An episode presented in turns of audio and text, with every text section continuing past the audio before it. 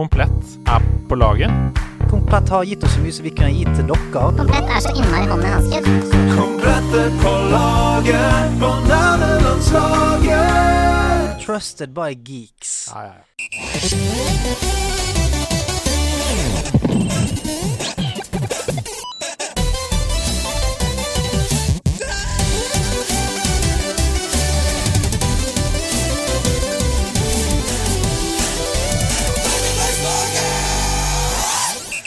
Han er en av Norges høyeste mennesker. Han har spist over 15 pølser de siste tre årene. Han er også glødende opptatt av dataspill og av en spillcommunity som kalles for Nerdelandslaget. Han heter Andreas Hedemann, og her er han! Oh, oh boy! Oh boy! Er det, er det catchphrasen? Catchphrasen denne uka. Oh boy! Jeg lurer på om den er sendt inn med tanke på den langbeinparodien jeg gjorde en gang i tiden, som dere syns var så fin. Ja. Altså underholdning? Uh, det, kan være sånn, det kan være sånn Oh boy! ja, fordi det er noe. Ja. Når du sa det på en måte med bare bitte litt tullete stemme, Ja. så var den catchphrasen ingenting. Men med langbeinstemme er den 100 av 100. Det er Vegard som sendte den inn. Han Ja. skriver uh, Oh boy med munter stemme er meningen at catchphrasen skal være. Ja. Oh boy! Ja, ja men det, det er noe. Det er noe. I stad var det ingenting, nå er det noe. Ja. Noe annet som er noe, det er deg. ja, Jeg glemte å introdusere meg selv først. Ja. Eh, jeg gjør ofte det. Jeg tenker ikke så mye på meg selv. Nei, Sånn er du. Raus. Uh, tenker mest på veldedighet og, og sånne ting. Ja, Det som er problemet mitt, er at jeg eh, setter jo av 60% av det jeg tjener, til veldedighet. Som gjør at jeg lever et ikke et fattigliv på noen som helst måte. Jeg har jo råd til eh, mye forskjellig. Ja. Men jeg kunne hatt råd til veldig mye mer. Ja, Sånn er du, eh, og det må vi takke deg for. Takk. Åssen går det med deg, Hasse? Vi var jo her allerede bare for tre dager siden. Ja, vi var bokstavelig talt det. Så det er, det er rart å være tilbake. Men jeg er, er om mulig enda mer eh, gira, enda mer i form. Mm. Og eh, jeg Andreas, jeg elsker dataspill. For en deilig introduksjon! Andreas, jeg elsker datafilm Ja. etter 155 episoder. Endelig kan jeg, kan jeg innrømme det. Hva med Ja. deg, Andy Pand? Jeg har det veldig bra. Det, har jo, det er jo ofte sånn at når man sitter og redigerer Eller når jeg sitter og redigerer, så blir det jo en sein kveld på tirsdag. Og da er det jo ganske tungt eh, på onsdag. Ja. Så det er litt sånn um, Nå har det bare gått tre dager siden sist. Jeg skal forklare hvorfor. Uh, men jeg har det veldig bra. Det var bare for å få det ut av veien. Eh, bare kanskje ikke spilt så mye som jeg skulle ønsket. Ja, så spilt fem spill istedenfor tolv. Ja, Ja. noe sånt. Ehm, men eh, grunnen til at vi spiller inn dette på da fredag uh, 2.9. istedenfor tirsdag, som vi ville ha gjort, eh, det er at dagens gjest han bor ikke i Oslo til vanlig. What?! Han bor et annet sted. Og akkurat denne helgen så eh, er han her. Og jeg tror bare vi skal ta han inn. Er du klar for det? Jeg er veldig klar for dette. Ukas gjest, Bodø store sønn, er som flere andre mannlige norske kunstnere proppet full av følelser under den tatoverte, stramme huden. Han flyttet til Narvik i 2007, der han i form av et bekmørkt kinderegg med tre negative overraskelser ble kasta ut av dama før den uforsikrede leiligheten han bodde i, brant ned, hvorpå han til slutt ble diagnostisert med depresjon. Narvik leverer! Kan det bli noe verre enn dette, tenkte ukas gjest, og det kunne det faktisk ikke, for etter en inspirasjonstur til New York og et Facebook-veddemål tok han steget til standup-scenen der han skjønte at han hadde talent etter å ha fått elleve gravalvorlige Farris-drikkende bankmenn til å le på en firmajobb. Nå er han en av Norges største komikere med flere radioprogrammer, TV-programmer og suksessrike soloshow på nakken. Han elsker klokker nesten like mye som Bodø-Glimt og Manchester United, men sier selv han ikke har noe som helst simultankapasitet. Hvordan kan han da være så glad i gaming? Ta vel imot nyeste spiller på nerdelandslaget, komiker Erlend Osnes! Wow. Da Ja, går det an å få den en gang til? Det var jævla stas. Kjempehyggelig. Tusen takk. Bare hyggelig. Klipp den ut. Ha den som ringetone. Kanskje litt voldsomt. Nei, det egoet her har rom for voldsomme introduksjoner, så det er ikke noe Det, det, det var helt nydelig, faktisk. Du har gjort research. Det er kjempegøy. Ja, det skulle da bare mangle når man har storfint besøk i studio. Wow. Ja, uansett, takk. Det er kult å Det er hyggelig å være her. Ja. Introduksjonen kom fra oss begge, bare, bare sagt det. At eh, jeg er også med på den. Dette er en, en, en, et samarbeid. Selv om vi ikke har hatt noe med teksten å gjøre, så er den også fra meg. Ja, men det er deilig. Det, det er jo tanken som teller. Og hvis du tenkte det, så var du med. Takk. Ja da. Erlend Osnes, hjertelig velkommen. Hvem er du? Hva driver du med til vanlig? Fortell. Jeg, jeg er jo i utgangspunktet eh, hjemmeværende husmor og livsnyter. Eh, for Ja. det var det jeg egentlig mest ville gjøre. Jeg ville være hjemme, jeg ville ikke ha jobb. Har egentlig ikke noen ambisjoner. Men så eh, i utgangspunktet fant jeg noe jeg elska, så da ble det standup og podkasting og radio. og ja, litt grann TV her og der. Så jeg, jeg lever jo i en drøm. Temmelig vill en, uten å fortsette på akkurat den. Så det, det, livet er jo herlig. Ja, det er jo det. Nå er jeg her for å snakke om noe gøy, så det er liksom Ja, dette er hyggelig. Det er fantastisk. Vi er jo på en eller annen måte alle tre egentlig gamle kollegaer. Mm. For alle tre har på et eller annet tidspunkt jobba i NRK P3. Ja. Det er litt rar, rart å tenke på. Det er det. Aldri vært på julebord sammen? Nei. Nei. Jeg, jeg, jeg, igjen, vi, vi, vi sendte fra Bodø. Mm, Så vi, jeg, julebordene brukte jeg å tenke Jeg orker ikke å reise ned for å drikke brus. Jeg er jo avholdsmann. Ja. Så det er liksom, Ja. jeg gidder ikke å reise ned for å Nei, ta. Hvis du var alkoholiker, ville du gjort det da? Ja da, da definitivt. Da hadde jeg booka helga. La oss gjøre det her. På et tidspunkt ville jeg gjort akkurat det òg, da. Ja. Så, så ja. Men uh, fins lokalkontoret i Bodø fortsatt? Ja, og de har Ja. bygd ut. Oh, ja, og det er blitt nytt, og det Åh. er blitt fint. Vi sendte jo i vår tid eh, rå Osnes derifra. Mhm. eh, fra kaikanten i Bodø. Og, eh, og det å jobbe i P3 var eh, Først og fremst har jeg aldri, eh, aldri følt meg som en større Hva det der, imposter syndrome. Ja. For det er så psyko mye morsomme, dyktige folk i NRK. Mm. Alle er flinke, så alle jobber hele tida. Så når du kommer dit og tror at jeg er han som jobber mest og vil mest, så er det sånn Nei, det er, det er du ikke, Erlend. Mm. så det var veldig sånn Jeg følte at ok, her har du vært heldig som kom deg med. Og det var ei psyko fin tid. Eh, og veldig glad jeg fikk være med på det. Ikke alle får lov til det, så eh, jeg sitter igjen med, med gode minner fra, fra NRK. Ja, det er hyggelig. Um, vi skal ikke sitte her og snakke om våre karrierer i mediebransjen. Selv om det hadde vært veldig hyggelig. Det er en annen podkast. Ja. sånn Lindmo-aktig podkast. Jeg føler vi er inne på noe der. Ja. La oss heller skru tiden litt tilbake, alle sammen, og tenke ærlig. Hvor var det det begynte for deg, rent gamingmessig? Åh, det er i, i kjellerstua i Bergen, i Bønes, eh, 84-85, med eh, Pong, heter det vel. Det var, eh, det var For faren min kom fra Danmark og hadde med seg en boks som vi skulle koble i TV-en. Ingen skjønte noen ting. Hva er det her? Og så fikk jeg den runde firkanten med hjulet, der du styrer markøren. Og jeg og broren min var Vi styrer TV-en. Hva er det neste, liksom? Det var Så det var der det begynte. Det er en veldig fin måte å beskrive dataspill. Du styrer TV, men det har ikke tenkt på det. Nei, for vi skjønte jo ingenting. Vi har bare sett på den. Nå styrer vi Wow. Det er akkurat som at TV-en har en egen personlighet som Ja. viser deg det den er i humør til i dag. I dag skal du få Carl og Co. Ja. Jeg er i humør til å vise deg det. Dette får du i dag. Og nå whoosh, tar du tilbake kontrollen Ja. over TV-en. Ja, ro deg ned, bitch. Det er jeg som styrer nå. Det er jeg som avgjør hva jeg skal underholdes av. Og, den, og det var jo en helt syk eh, eh, eh, tanke Ja. og idé. Så det var på mange måter der det egentlig begynte. Men sånn bevisste valg og sånn opp mot gaming, så er det jo eh, Hele rekka er jo VIC 20, Commodore 64, Amiga 500. Du har vært innom alle klassikerne. Ja, Nintendo 8-biten kom inn da. Og den Ok, vi må, ja. vi må bremse. Ja. Fordi du var jo her det er veldig, Innimellom så har vi gjester som vi kan si dette til. Du var der da gaming kom. Ja, da. det er så med. Det er for sjukt, altså. Var der når det begynte. Ja. Og det, Hvem er det som har den låta var der da det smalt. Hvem er, er det jeg har aldri hørt den før, men noen hadde den. Noen hadde den. Jeg skulle til å si det. Åge- Ja. Ja. Nei da. Det, så, og, det var, og det var som sagt helt sinnssykt, for vi, vi hadde jo leker, vi hadde jo ting, men det at du plutselig skulle Og når VIC 20 kom, så var det sånn wow, det, jeg kan ha flere spill. Jeg kan putte inn en kassett baki, sånn breie, gråe, Ja. som nesten tok hele baksida. Så du liksom lura inn der. Eh, Men- og ja, det var veldig vilt. Men altså, jeg, jeg trodde jeg hadde oversikt over, eh, over alle konsoller. VIC 20. Ja. Jeg har aldri hørt om VIC 20! VIC 20 var, var, kom før Commodore 64. Eh, jeg, jeg har heller ikke hørt om VIC 20. Altså, nå, du må, for, for, hva, er, hva er VIC 20? Altså, er det, hva, hva slags spill hadde de? Altså, de har eh, eh, Frogger, blant annet. Frogger fra VIC 20! Ja, du skal over veien, sant? Ja, ja, jeg kjenner jo Frogger! Blipp. Og det var Alle kjenner jo Frogger, men jeg kjenner ikke VIC 20.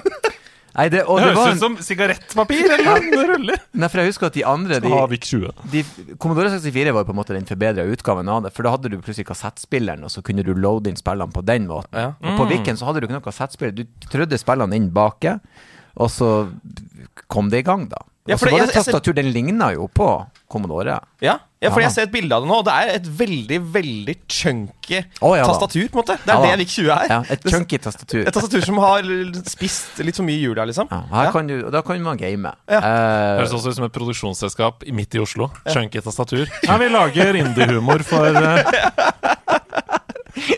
Eh, Veldig hipsterish over det. Ja, ja, Chunky tastatur. Velkommen til oss. Chunky tastaturproduksjon, vær så god.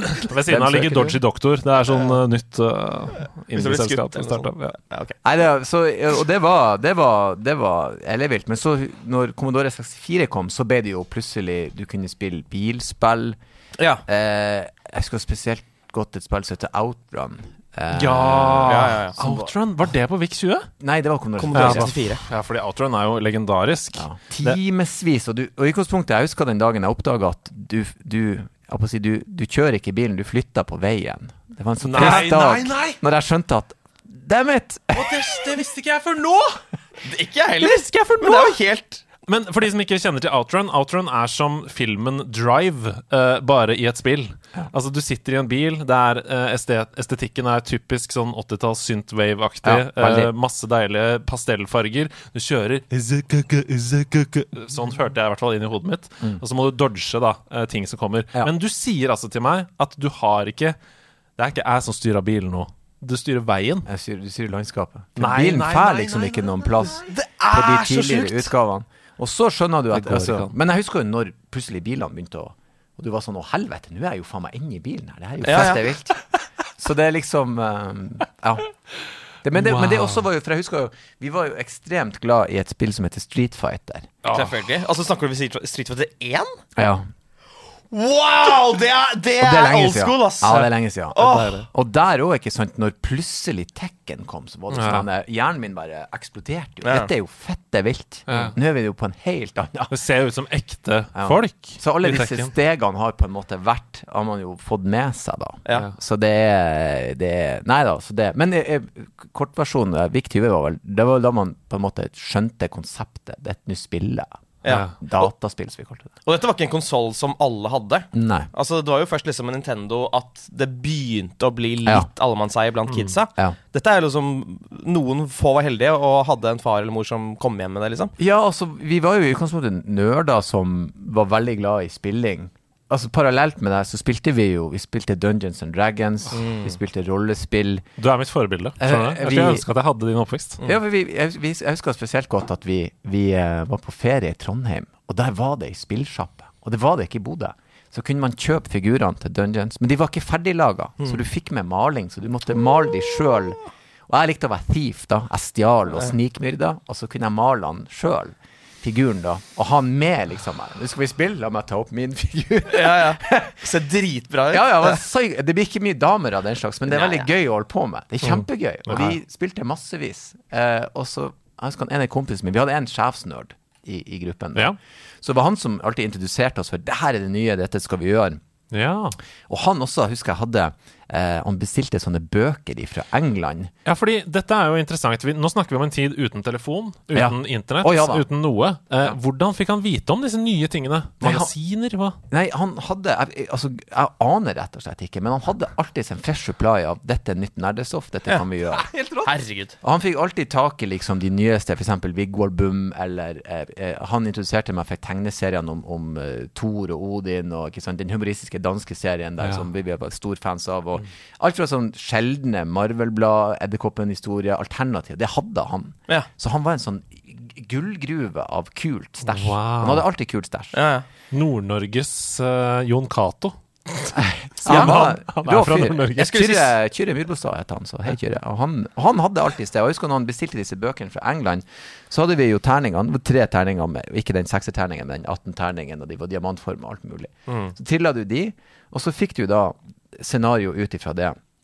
Og så ut ifra neste, hva du valgte å gjøre, så ble det jo sendt ut på en sti. Men da måtte vi ha sånne store regneark, så du tegna opp kart, for verden ble til etter hvert. Ja. Så ett sånt game varer jo faen meg i månedsvis, ikke sant. Vi måtte jo stoppe og spise, og vi overnatta jo, ikke sant. Jeg satt på natta og tegna kart og løste eventyr og samla på formler og, og Det var jævlig gøy, da. Altså, Jeg vil se en TV-serie om din oppvekst. det, det vil jeg. Det, det blir litt Strange Things, men uh, kanskje minus monstre og sånn. Jeg vil bare se dere være nerder. Ja, det, var- det, var, var psyko gøy, altså. Det, det, og det kjenner jeg jo igjen nå når jeg ser kidsen game og sånn. Det er jo det sosiale med det, og interessen rundt det, og det med at du får være litt kreativ og ha litt fantasi inni det her også, ikke sant. Det er jo på en måte Alt det vi gjorde, er bare flytta inn og digitalisert i utgangspunktet. Så det er jo det er egentlig veldig mye Det er jo en gjenganger. Det er jo det samme. Vi stoppa jo deg i stad ved Nintendo 8-bit, altså den første Nintendoen. Men bare før vi går dit, har du på en måte spilt hele livet? Har du spilt fra, fra da til nå? Spiller du enda, liksom? Jeg spiller ennå. Det er jo Det gjør jeg. jeg, en pioner, hvis du snakker med Ja, det er en pioner. Du er, gullgrav, du er sånn gullgraveren i Klondyke i 1887. Jeg har, tidlig, men jeg har, jeg har på en måte Jeg har ikke gått så online som jeg føler jeg burde. Jeg føler jeg har gått glipp av noe der. Eh, fordi at jeg, jeg, jeg, jeg, jeg har også veldig mye minner knytta til akkurat det, når, når internettet kom. Men eh, eh, jeg gamer ennå, og det er alt fra små mobilspill til at jeg, jeg har liksom, Jeg kjøpte meg sete og, og ratt og alt for å spille Formel 1 på PlayStation, til at jeg spiller ikke sant, i lag med ungene mine og sånne ting. Så jeg, jeg spiller hele tida. Ikke så mye som jeg gjerne skulle ha gjort. Man må jo gjøre litt voksenting òg. Ja. Og så har jeg veldig mange interesser, sånn at jeg prøver å klemme inn alt. Men i aller høyeste grad. Så jeg, jeg ser ikke noe galt i at i stedet for å sitte og så kanalsurfe, gå nå og spill. Da bruker du hjernen din i det minste. Du tenker, du gjør noe. Ja, ja. Og, og, og når foreldre For jeg er jo i høyeste grad der da er sånn Ja, han sitter bare og spiller. Ja, men det er ikke noe galt i det. Berøm han nå heller. Hjelp han eller hun. Vis de, ta del i det. Lær hva det er, så blir du kanskje ikke så redd. Så eh, i aller høyeste grad, det, det spilles ennå. Det er vise ord. Um, vi har jo, jeg sender jo i, på research i forkant, så spør jeg om liksom dine topp tre spillopplevelser. Og det trenger ikke være de beste spillene i historien. Hvis det hadde vært de tre beste spillene i historien, så hadde episoden av nederlandslaget vært veldig like. Så det er dine personlige liksom, ting som bare har forma deg som gamer. Ja, altså um, Duke Nukem. Oi, oi, oi! Kan vi få en parodi? I, ca um, I came here to kick ass and chew bubblegum, Ja. and I'm all out of gum. Der har, der har du den. Eh, Duke Nukem for meg var eh, at noe kunne være så jævlig kult. Ja, ja, ja. Eh, det var altså så jævlig kult. Det, vi var altså så gira. Eh, og det var liksom første gangen jeg opplevde den gamingdelen. For tidligere har vi vært sånn eh, Jeg trylla det om til en frøsk, mens du drev jo og drepte og var liksom han badassen. Han Ja, ja, hadde ja. muskler, han hadde liksom tanktop. Ja, hadde deilige damer, kule replikker. Cut, og han Ja. var faen meg på hugget. Så jeg husker Ja. at jeg syns hele den greia var dritkult. Men det kuleste med det var at jeg gikk i den tida eh, på handel og kontor. Det heter ikke det nå lenger. Det var jo når det heter gymnas, ikke sant. Du er 80 år gammel! Ja, det, det, altså jeg lærte jo eh, Vi brukte jo sånne eh, kulerammer som sånn bok der det er sånn linjal der du fører inn på, på økonomi. Så jeg, jeg, jeg, jeg, har, jeg har papirer på det. Jeg skulle likt å søkt jobb i dag og så møtt opp med den kuleramma. God dag! Det er sånn noe som er fra et alternativ Univers, ja. Men tenk at eh, det må jeg bare stoppe litt med. Tenk at det var en tid der hvor en utdanning hadde kontor i navnet. Ja. sånn, alle jobber jo på et eller annet kontor Ja, i dag. det er innforstått. Vi lærte å bytte rull på skrivemaskin. Sant? Det er på det nivået. Ja, perfekt. Ja da. Nydelig. Så, bachelor, i, eh, bachelor i rullebytting. Ja da, men i den krysninga, sant, så, så når jeg gikk på skole, da, så, så kom på en måte EDB inn for fullt. Alle skjønte at dette er noe folk bør bruke på jobb. Og internettet kom. Så det som da skjedde, var at vi oppdaga at du kan spille Duke Nukem på nettverk. Oi, oi, oi. Så vi kan sitte på skolen i timevis og ta livet av hverandre. Og lærerne var jo, ikke sant, på min alder på den tida, Ja, ja. og det var jo ekvivalent med 95, sant? De kunne Ja. ingenting. Ja. Så vi hadde, vi hadde et fast opplegg. Når vi kom ut på skolen, og så sto læreren og prata litt, så fikk vi oppgavene. Og så skulle vi jobbe med de i tre timer. Så var jeg på hugget. Ok, fordele en oppgave til hver i klassen. Alle gjør hver sin. Putt alt sammen. Og så deler vi, sånn at alle gjør sitt. Vi bruker et kvarter og er effektiv. Og så spiller vi Duke Nukem resten av de timene frem til lunsj. Og det gjorde vi i to år på Bodø videregående skole. Det var så mye Duke Nukem. Og så Det var så gøy, for vi satt jo og jobba, ikke sant, og så plutselig brøla jo en fremme sånn Helvete, Odd Berner, gi faen i det der! Ro, ikke sant? For da hadde han sneket seg på Håkon og tatt han for syvende gang, så læreren skjønte jo ikke hva faen er det som skjer? Så det var mye sånn her Og da oppdaga vi det. Ja. Det, det var deres egen hemmelige verden. Det er det som er Ja. gøy med det. Det At det gøye eh, med. De voksne skjønte ikke hva dere dreier med. Nei. Dere hadde en ting som, eh, som var deres. Ja. Og det var helt nydelig, for også under eksamen, ikke sant. Så vi juksa jo så det kosta etter. For da leide de inn eksamensvakter. De er enda eldre lærere. Ja, ja. Da snakker vi om mennesker som den gang da var 67, ikke sant. De er jo garantert døde, alle nå. Mm. Og da satt vi eh, på nettverket. Alle ble enige om svarene, alle skrev det litt om, så vi ikke alle leverte inn det samme. Og så spiller vi, ikke sant. Så ikke vi alle dro etter 20 minutter, for da det er litt suspicious. Ja, ja. Liksom, Heldagseksamen, alle er ferdig på 20 minutter. Så da satt vi der, og så spilte vi resten av dagen, og så for vi hjem. Og det var Spilte helt nydelig. Ja, men, du- og det var greia, for når du kom hjem, ikke sant, da var det jo ikke noe nettverk hjemmefra å spille med noen. Så vi ville jo være på skolen. Ja. Ja. For når du kom hjem, så er det sånn, ja, den er jo bare plugga i veggen. Jeg har jo ikke noe internett her. Jeg har liksom, det er jo ikke noe noen har. Vi, hjemme hos oss hadde jo ikke vi noe, noe p- Foreldrene mine har aldri hatt noe PC hjemme med noe ja. nettverk på. Nå har de jo telefon og nettbrett. Men aldri da. Ja. Så skolen hadde jo en ting vi var ute etter. Tastatur og mus, her kan vi game, og Wow. her kan vi vi ligge og slåss med hverandre. Så det er en av mine liksom aller sånn som det her liker jeg virkelig. Der jeg lå på kveldene og tenkte ok, jeg kan sprenge dit og gjemme meg hente det der. Jeg vet at han droppa Ja, ja. der på de forskjellige brettene. Jeg begynte å legge strategier, ikke sant. Her kan jeg tok jeg på kvelden gjerne og snakka med en kompis. er du samarbeider i morgen. Og så neste morgen så gjorde jeg ikke det. Jeg samarbeidet med noen andre, ikke sant. Og så vi holdt det på. Og det ble så mye. Dere spilte Among us Ja, vi var, ja, vi var faen meg helt på hugget. Men, Det men, var ha, jævlig artig. men har du turt å uh, gjenoppsøke uh, Duke Nukem i dag? Eller er du redd for å ødelegge de minnene? Nei, jeg, eller jeg, jeg hadde en kort periode med Duke Nukem fordi jeg var i Intos med Forsvaret i 2002, var det vel. Eh, og da, eh, på PX-en De har en PX der amerikanerne selger ting uten skatt og sånne ting på. Eh, eh, vi var stasjonert i, i, i Kirgisistan, som er på en måte i, mellom Afghanistan og, og Kasakhstan og eh, Tadsjikistan. Eh, og, og så opererte vi området rundt. Men når du hadde fri, ikke sant, så gikk du på PX-en og handla. Og der så jeg plutselig Her har de Nintendo, Gameboy eh, og Duke Nukem. På Gameboy. Ja! Wow. Så jeg plugga inn der, og, og det spilte jeg jævlig mye for å koble av. liksom. Ja, ja. Ok, det er kveld, hva skal jeg gjøre? Ok, jeg legger meg i seng og spiller litt. Så da hadde jeg på en måte den lille eh, eh, La oss gå tilbake og se. Men da var det ganske ferskt. Da var jeg jo enda en, en ung mann. Jeg var vel 3-24. Så, men siden da har jeg ikke Men kan jeg bare, oppsøkt det. eh, For det var en amerikansk sånn handelsstasjon, på en måte? Eller Mm. den de hadde råd av? Er ikke rart at de selger Duke Nukem, eller? Det første, fremste Ja. eksempelet på den amerikanske Ja, ja. eh, militærmannen Ja, som bare ja. blæster seg Det er klart de vil at vi skal ha Duke Nukem. det sier seg egentlig sjøl. Det er først nå når du sier det, skjønner jeg. Ah, selvfølgelig. Det er jo veldig It makes sense. Ja. Proteinpulver, Duke Nukem, litt aggressiv krigsføring, markedsføring der, så er vi, så er vi i gang. Nei, Det er veldig gøy å høre. Hvilke favorittvåpen hadde du i Duke Nukem da dere spilte det på skolen? Åh, da må jeg tenke meg om. Jeg likte jo motorsaga Ja. fordi at det er litt sånn badass. Den var jo ikke veldig effektiv. Nei. Eh, egentlig Det er mange som svarer pumphagla fordi at du fikk grafikken når han mellomlada. Ja. Og det var, det var så jævlig kult når han gjorde det, Mm. og ikke minst lyden. Så den var Ellers så var det jo bare om å gjøre å få tak i. Det verste var hvis du endte opp med kniven. Så hva faen gjør jeg nå? Alle de andre har. Nå må jeg drive og gjemme meg til jeg klarer, klarer å finne noe. Min favoritt var den gønne Eller den Jeg tror det er en maskingevær som har tre løp. Ja. Som du ser det kommer sånn flammer i hvert Ja, løp ja når du skyter. faff. Ja. Det, var, det synes jeg digger jeg. En slags sånn minigun som han sto og holdt det. Ja. ja, det stemmer det. Uh, nei, så, så det, det var det første som sier for meg. Du Knukem der. Det var Og det, og det andre eh, skikkelige sånn gamingminner. um, Det gikk jo noen år, og, og PlayStation var blitt en, en greie da. Og når Medal of Honor kom Ok. Altså, eh, for en revolusjon for krigsspill. Ja, ja, Medal of ja, ja, Honor. Vi, Ja. hadde, vi hadde ikke hatt Call of Duty, vi hadde ikke hatt eh, Battlefield og lignende spill hvis ikke det hadde vært for Medal of Honor. Ja, ja he, helt jævla enig. For det på en måte Det var, det var noe helt annet. Det var verdenskrig. Tyskerne var bad guys. Du, skulle, du hadde forskjellige typer oppdrag der du skulle være undercover, og du skulle gå inn og sky, altså shootouts. Det, var, det var sinnssykt mange forskjellige varianter. Var det dette spillet som var det første som, som uh, prøvde seg på D-dagen-invasjonen? Ja. ja, ikke sant?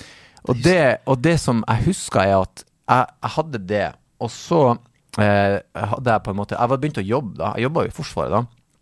Og hadde inntekt, så jeg bodde i min egen leilighet. Jeg kjøpte mine egne ting. Og så hadde jeg kjøpt meg et, et voldsverk av et stereoanlegg. Jeg hadde eh, eh, Servin Vega DC15 15-høyttalere med NAD effekt og forforsterker. Ja, lyd. Og så kobla jeg PlayStation på det her, og så hadde jeg en svær TV, tjukk som faen, og svær. Og så satt jeg og gama med lyden. Og da kom plutselig lydene fra spillet bak meg. Oi. Og så husker jeg så jævlig godt det var ei scene der du drev og sneik deg, og så kom det schæferhunder og, og angrep dem. Men så var det så vanskelig å treffe dem, for de var lavere, og, og så snerra de. Og jeg husker at jeg tenkte det er faen meg skummelt her. Jeg levde meg sånn inn at jeg skvatt når det skjedde skitt. Og det var skummelt. Jeg var sånn å helvete, det her er jo eh, Og det husker jeg òg, den der når du tenkte at å ja, jeg kan, jeg kan legge på andre kule ting til gaminga. Bedre lyd, bedre stol. Da begynte jeg liksom å rigge meg, for her skal jeg være i stol. Ja. Som er, jeg må ha noe mat her, jeg må liksom ha noe vann her. Dette er ikke, dette er ikke lenger bare avkom, dette er fuckings Nå skal jeg prestere. Jeg vil inn in the zone, sant. Og da òg eh, eh, var første gangen jeg liksom kunne sitte hele dagen langt utpå natt. Kanskje bruke en hel helg Ja, ja. På bare sitte og spille Medal of Honor. Nok en gang da, så cosplayer du det du skulle ønske at det du holdt på med var. For du sitter da i militæret på kaserna og har gjennomgått veldig mange kjedelige ting. Du må vaske med tannbørste, og du Ja må ta pushups i myr og- ja. og holde på med sånne ting. I det kjedelige fredslandet Norge, da, når man er i militæret. Mm. Og så på kvelden så er det sånn Nå skal jeg cosplaye k- krig. Ja, ja, ja. Nå er jeg plutselig han fyren som eh, lever under andre verdenskrig, og dette er et hemmelig oppdrag. Men, jeg, men, Men du lærte sagt- også kanskje at krig, vet du hva, det er ikke noe å trakte etter. Ah, war is hell, altså. Jeg har jo, jeg, har jo en digresjon, da, men jeg har jo faktisk eh, Jeg har innsett at jeg er jo, jeg er jo en pasifist. Jeg har jo ingen Ja. tro på krig. Det er mest idiotiske i verden. Vi har gjort det i flere årtusener. Ingenting har noensinne endra seg. Skal vi fremdeles løse folk med at vi skal tvinge de til å være vennene våre? Lev sånn som oss! Liksom, slå og drepe folk. Det går jo ikke an. Galskap. Når du sier det sånn, så er det er derfor jeg ler, for det er helt latterlig. Ja, det, det er Ja, ja. så tåpelig. Men det, det blir dårlig spill ut av uh, pasifisme. Og nettopp. Men spillverden, og Hæ? det er så viktig at, at eh, si, folk som ikke driver med gaming, skjønner. Det er underholdning. Ja, ja. Det er ikke trening til masseskyting. Nei, det er meg underholdning. Det, du kobler av. Det er gøy. Det er spennende. Du får lov å leve ut noe som du aldri Altså, jeg elsker jo å kjøre Formel 1. Jeg hadde sikkert ikke klart å, å kjøre den bilen engang. Mm. Sånn at det er underholdning, og det er gøy, og det skal være sånn. Så jeg elsker krigsspill. Syns det er helt OK. Ja, nei, For meg så er det jo blink. Altså Det handler om presisjon. Mm. Uh, det er som det er, Jeg blir bedre på Det er som å spille dart. Jeg Mm. blir bedre på å treffe headshots, liksom. Det, det er et skytespill. Det, er, det handler ikke om at jeg syns det er gøy å drepe folk Mm. i spillet. Det handler om at det er, er sikting, liksom. Jeg er jo også, etter jeg er blitt eldre, når jeg får mindre testosteron i kroppen, sånn, jeg er blitt han som slipper ut flua i stedet for Ja. Nei, glass.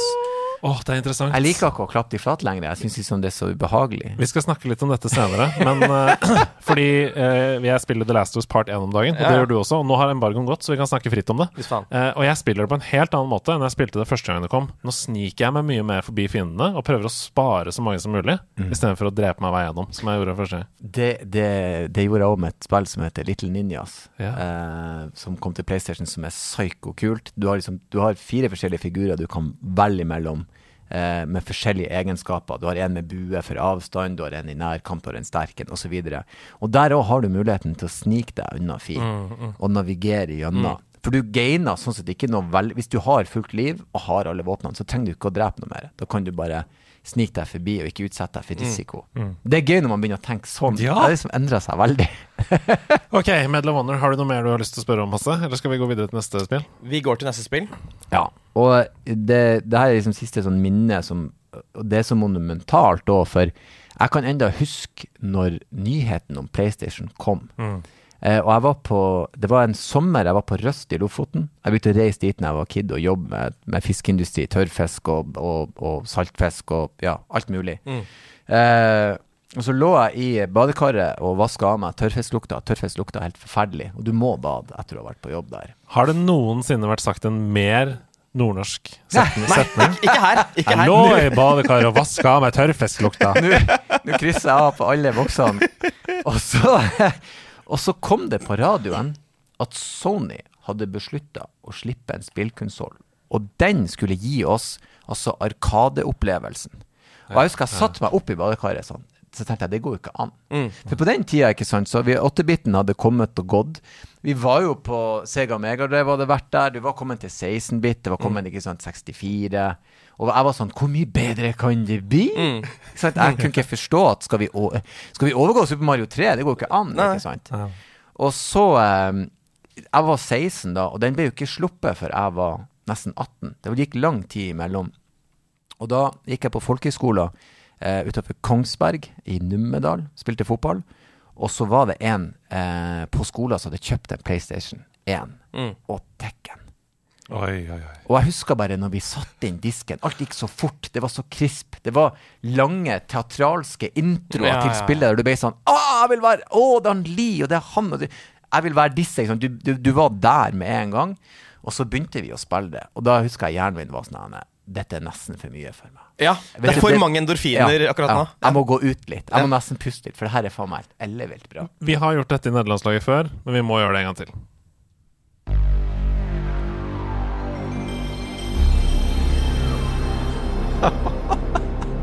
Det er frysninger.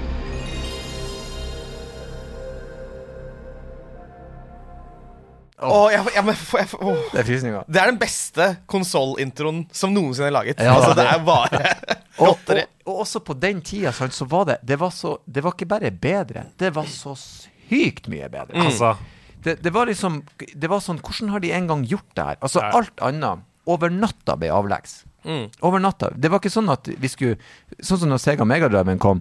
Så var det sånn Ja, skal vi, skal vi deg og spille Sega, eller dra meg å spille Nintendo? Mm. Mens nå var det jo ingen som sa sånn Skal vi spille Nintendo eller PlayStation? Det var sånn Hvor er PlayStation? Ja, ja. Vi drar til han som har den. Ja, Det er jo åpenbart at det er det vi skal gjøre nå. ja. ja. Ja, det var helt vilt. Og så var den slim og liten og fin. Selvfølgelig ikke nå lenger. Helt annet design. Ja, ja, grå. Ja, og, og, og helt andre kontroller. Bare liksom Oi, her er det mer knapper, er mer ting, den ligger annerledes i handa. Det var veldig sånn her er. A- Alt var på en måte nytt. Det var akkurat som de hadde liksom satt seg ned og tenkt Hvordan kan vi da si, gjøre det som er der, enda bedre? La oss Ja, ja. begynne litt på begynnelsen igjen. Ja. Nesten litt det Tesla har gjort med biler nå i de siste årene. Mm. La, oss, la oss skrote det som har vært, og se hva er det vi vil ha for noe. Ja, ja. Eh, og, og det er klart, PlayStation-kontrollen var jo milevis bedre, og holdelig, og, Mm. og, og knappene var bedre, og den tålte mer. Ja. Husker byggekvaliteten var også Altså, alt var topp nå. ja, ja. Det, det jeg syns er så uh, fascinerende med det der, er jo liksom Fra Pong kom, Mm. og til på en måte Super Nintendo begynte å bli ferdig, så føler jeg at det er på en måte én et langt strekke med samme type spill. Mm. Og så har du den overgangen der med liksom de første PlayStation-spillene, de første Nintendo 64-spillene. Mm. En sånn overgang vil vi aldri noensinne få oppleve igjen. Og det at vi uh, er gamle nok til å ha opplevd det Mm. Jeg er så utrolig tak takknemlig for å ha vært der da. For som du sier, når du Mm. liksom ser Tekken for første gang Hjernen din vet ikke engang Hva skal jeg gjøre med denne gleden? Det er for mye glede i Ja. Systemet mitt nå. Hva skal, hva skal jeg Ja. gjøre med det her? Dette, ja, dette er overload. Jeg Ja. klarer nesten ikke å takle inntrykkene. Ja. Og det er fra svart-hvitt til farger på TV, liksom. Ja. Det er det samme en gang til. Ja. Og, du, og, du, og jeg husker liksom at vi, vi spilte det så haiko mye Tekken. Det, og, og, og, og nerda på triksene og lærte oss de, og kombinasjonene. Og liksom, med, med Paul så tør jeg påstå at jeg tar alle. Ja. Alle. Var Hvis jeg får inn første slaget, så bare glem det. Du er ferdig. Det, jeg, jeg skal brekke armen din, slite ut skuldra, spenne deg, skalle deg. Jeg gjør alt. Du er ferdig før du vet ordet av det. Jævla Paul.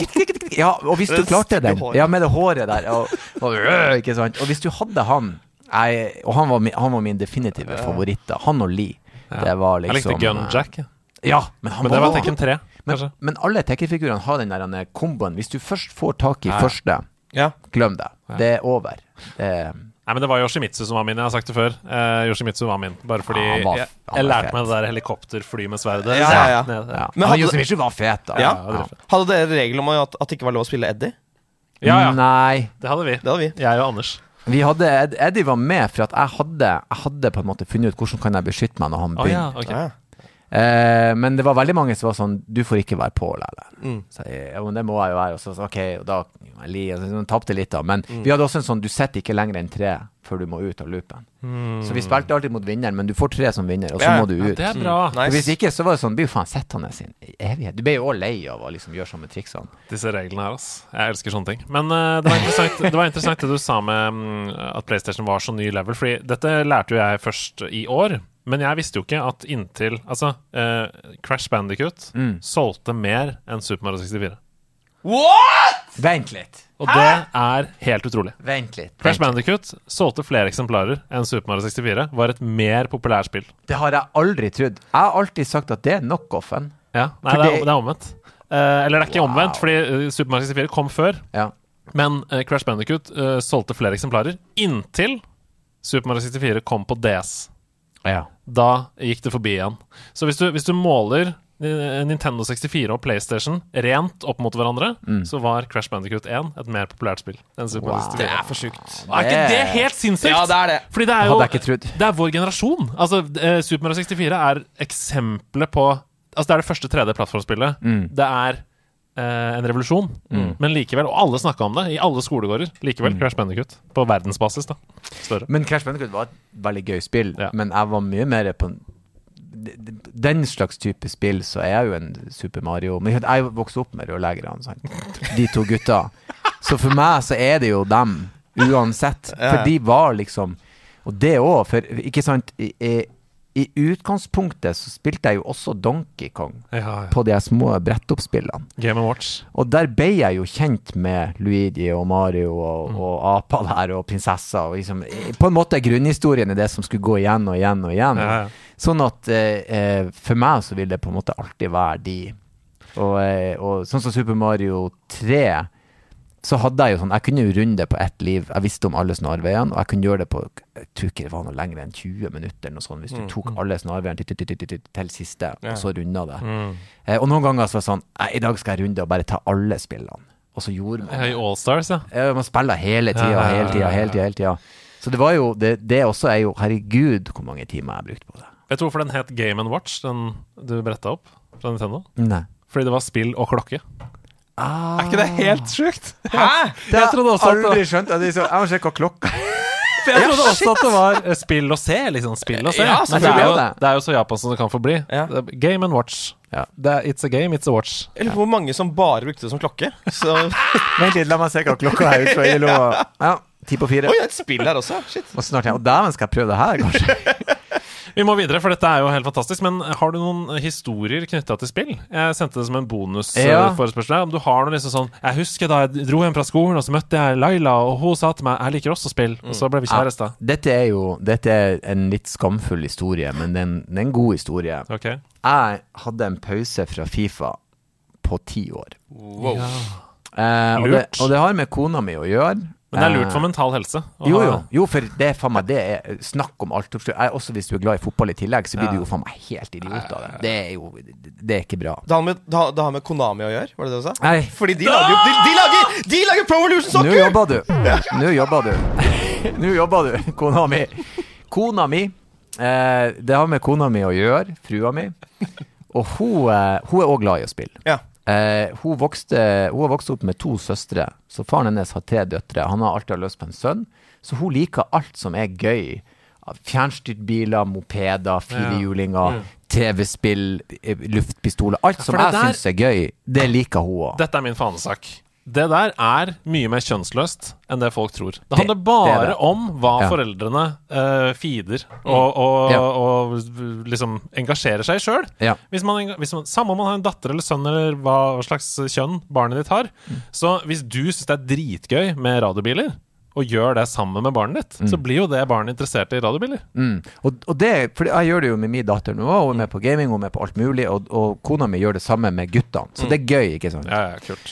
Men så eh, hadde vi Vi hadde data egentlig ganske kort tid. Eh, og eh, jeg hadde PlayStation, og hun var sånn ja, Hun syntes det var dritgøy å spille. Jeg bare La oss spille litt Fifa. Tenkte jeg, men skal jeg sette denne dama på plass? Og så i tillegg, da, så til alt overmål, så eh, Jeg valgte selvfølgelig Manchester United, var Anna, og hun valgte Chelsea. Ja. Kjøpelaget. Og så må jeg si at hun hadde ikke spilt Fifa på dette tidspunktet. Men dere vet de gamene når dere spiller med noen som ikke kan, og så Ja. bare trykker de, og så bare vinner de, for at Ja. de bare trykker. De vet ikke hva de gjør. Så vi spiller Fifa, og hun slår meg med Chelsea. Hun har ikke spilt det før. Og jeg, hjernen min kunne ikke prosessere, så jeg klarte ikke å tenke klart. Jeg, jeg, jeg går i panikkmode. Ja, ja. Jeg glemmer av hva jeg skal gjøre. Jeg padler meg ut på dypt vann. Hun slår meg 5-0. What?! Jeg skåra ikke et jævla mål på henne. Og da var det ti år sølibat. Jeg ble altså så sint. Jeg har benekta det. Hun har sagt til folk sånn liksom, Ja, Erlend tapte. Jeg sa nei, det har ikke skjedd. Jeg har benekta det ja. over ti år. Jeg vil ikke snakke om det. Jeg Du klarte ikke å se på Fifa engang. Du står fram på nederlandslaget. Ja, det er vakkert. På mange måter så gjør jeg det, altså. Og jeg, eh, nå har jeg spilt det litt i det siste, men nå er guttene mine blitt så jævlig gode i det. Ja, ja, ja, ja. At det er bare glem nå. Ja. Jeg, har, jeg har rett og slett Jeg snudde meg for lenge fra det. Pausen ble for lang. Jeg har hele tida kjøpt det til guttene. Mm. Jeg har sett at det har utvikla seg. Jeg prøvde det her for to-tre år siden sammen med gutta. Jeg bare glem det. Ja. Han, han, da, var han, eh, da var han mellomste min syveren og sånn, og han Det går så fort nå, og det Ja. Men altså, det som er interessant, som jeg har tenkt veldig mye på når jeg har spilt mot folk som aldri har spilt Fifa før, Mm. og, i hvert fall i, og i perioder som jeg følte at jeg har vært dritgod, Mm. så har det ofte vært vanskeligere å spille mot dem enn folk som er omtrent på mitt nivå, fordi det er umulig å forutse Ja. hva de skal Mm. Ja, gjøre. ja. Fordi når du gjør et eller annet, en eller annen finte eller et eller annet, så vil en uh, erfaren spiller tenke OK, da gjør jeg dette. Mm. Mens en som ikke har spilt det før, bare trykker på noe tilfeldig, og så skjer det noe du ikke kan Ja. se for deg. Det som du sier nå er så nydelig òg, for det er akkurat det som skjer når storlag møter lavere Ja. nivå i cupen. Ja. Det blir så knivsegg å bare se, for du aner ikke hva faen finner de på! De følger ikke reglene av de gode, liksom. Og så taper de noen ganger. Ja, ja. ja da.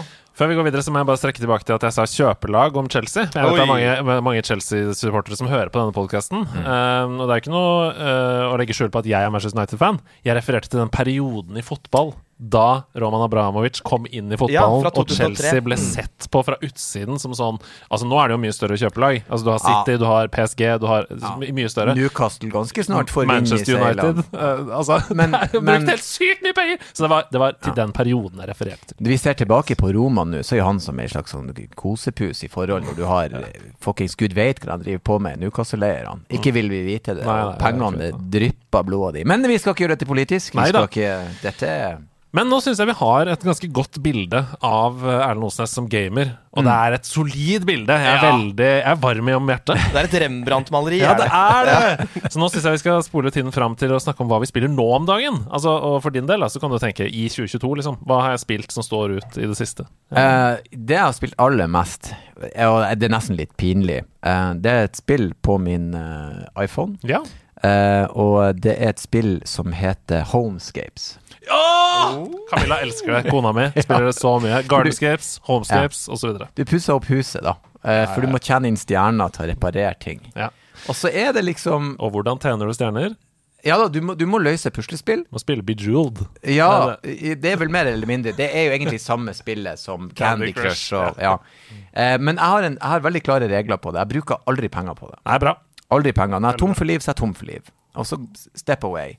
Men det er veldig deilig når du liksom Du har vært i møter, du har vært reist, du sitter på flyplassen, du kokt i nepa. Du har liksom, jeg har vært på finn.no og sett på ting der 10 000 ganger. Mm. Lite mobilspill, bare for å så la hodet vandre. Ja. Og så bare sitte og være litt tankeløs. Og, og så Ja, bruker sånn jeg å høre på musikk i stedet for at jeg har på lyden på spillet. Mm. Så det, og, og Pixel Car Racer.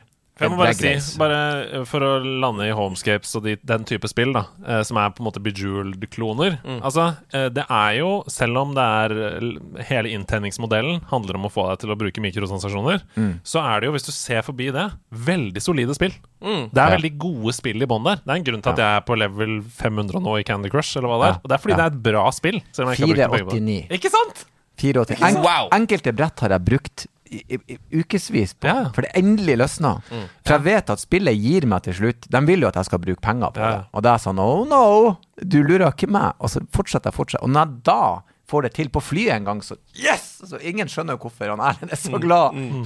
Men da fikk jeg til det jævla brettet. Og da er det som en flasketut som går ut. Da er det ti levels på rad uten Ja. at det er noe problem. Og da får du masse stæsj og sier Ja, ja, her er så surprise, Å, det er og ikke sant! Ja. regnbuevåpenet og alt. Og nå er jeg faen meg I'm on fire. Og når du da ikke bruker penger også, og likevel gjør det bra, så føler du at du hacker systemet. Ja. på en måte. At du har ødelagt for de som har laget det. Jeg lurer Matrixen nå. Ja, ja. Selv om du får reklame, og de tjener penger på at du Ja, ja. Det, det jeg forresten spilte sist på konsoll, det, var- det var Tekken. Med Mm. guttene mine. Av og Sju, liksom? Eller altså, av- det nyeste? Eller Ja, det var sju. Ikke Tekken 1. Ja, for Du må ikke spille Tekken 1 med guttene dine. De kommer til å hate deg. Nei, det går ikke. Nei, nei, det, du må ha det nyeste.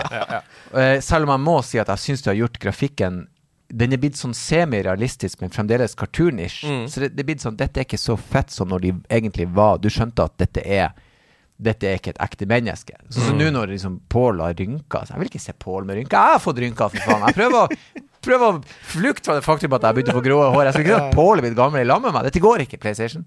Eh, men det spilte vi. For jeg liker av og til også liksom bare Gutta, la oss spille litt Tekken, og så setter jeg de på plass. Eh, for jeg lar dem ikke vinne. Nei, det Aldri i verden. Aldri i verden. Og det gjelder alt vi gjør. Eh, så lenge jeg kan slå de, så gjør jeg det. Mm. Så det, det kommer ei tid der, jeg, der, der de seiler fra meg, men det blir ikke nå. Ingen må klippe ut akkurat den settingen der du sier 'jeg, jeg blir å slå dem uh, uansett'. Altså det, den Ja, nei, ikke ta det ut av kontekst. Nei. Eh, Folkens. Nei, jeg skal slå dem. slå ungene. Nei da, men eh, det, Og det er veldig, veldig artig. Og det er også sånn For jeg, jeg, det jeg brenner litt for nå, jeg er jo foreldre sammen med mange andre foreldre. Og veldig mange foreldre er jo veldig sånn Redd deg gaminga, men gjør det sammen med ungene dine. Ja. For ungene mine, når jeg gamer med de, og vi har spilt masse, blant annet Crash Bandicoot, vi har spilt eh, De har jo Nintendo DS-er. Jeg hadde forresten en helt psycho Zelda-periode på den nyeste håndholdte DS-en. Dæven, hva bra det er blitt! Psyko bra. Du må ha mat, plutselig. Du må, eh, det er helt nydelig. Mm. Vi var på Granka for noen år siden, og jeg er ikke så jævlig glad i å sole meg. Jeg hadde en helt sånn periode der jeg spilte Zelda hver dag. Sånn, For du blir jo faen meg jeg, jeg var en alv plutselig som sprang rundt. på- Nei, altså, håndholdt Selda? Det er noen av de beste Zelda-spillene. Håndholdt Zelda, det kan også høres ut som et annet produkt, men eh,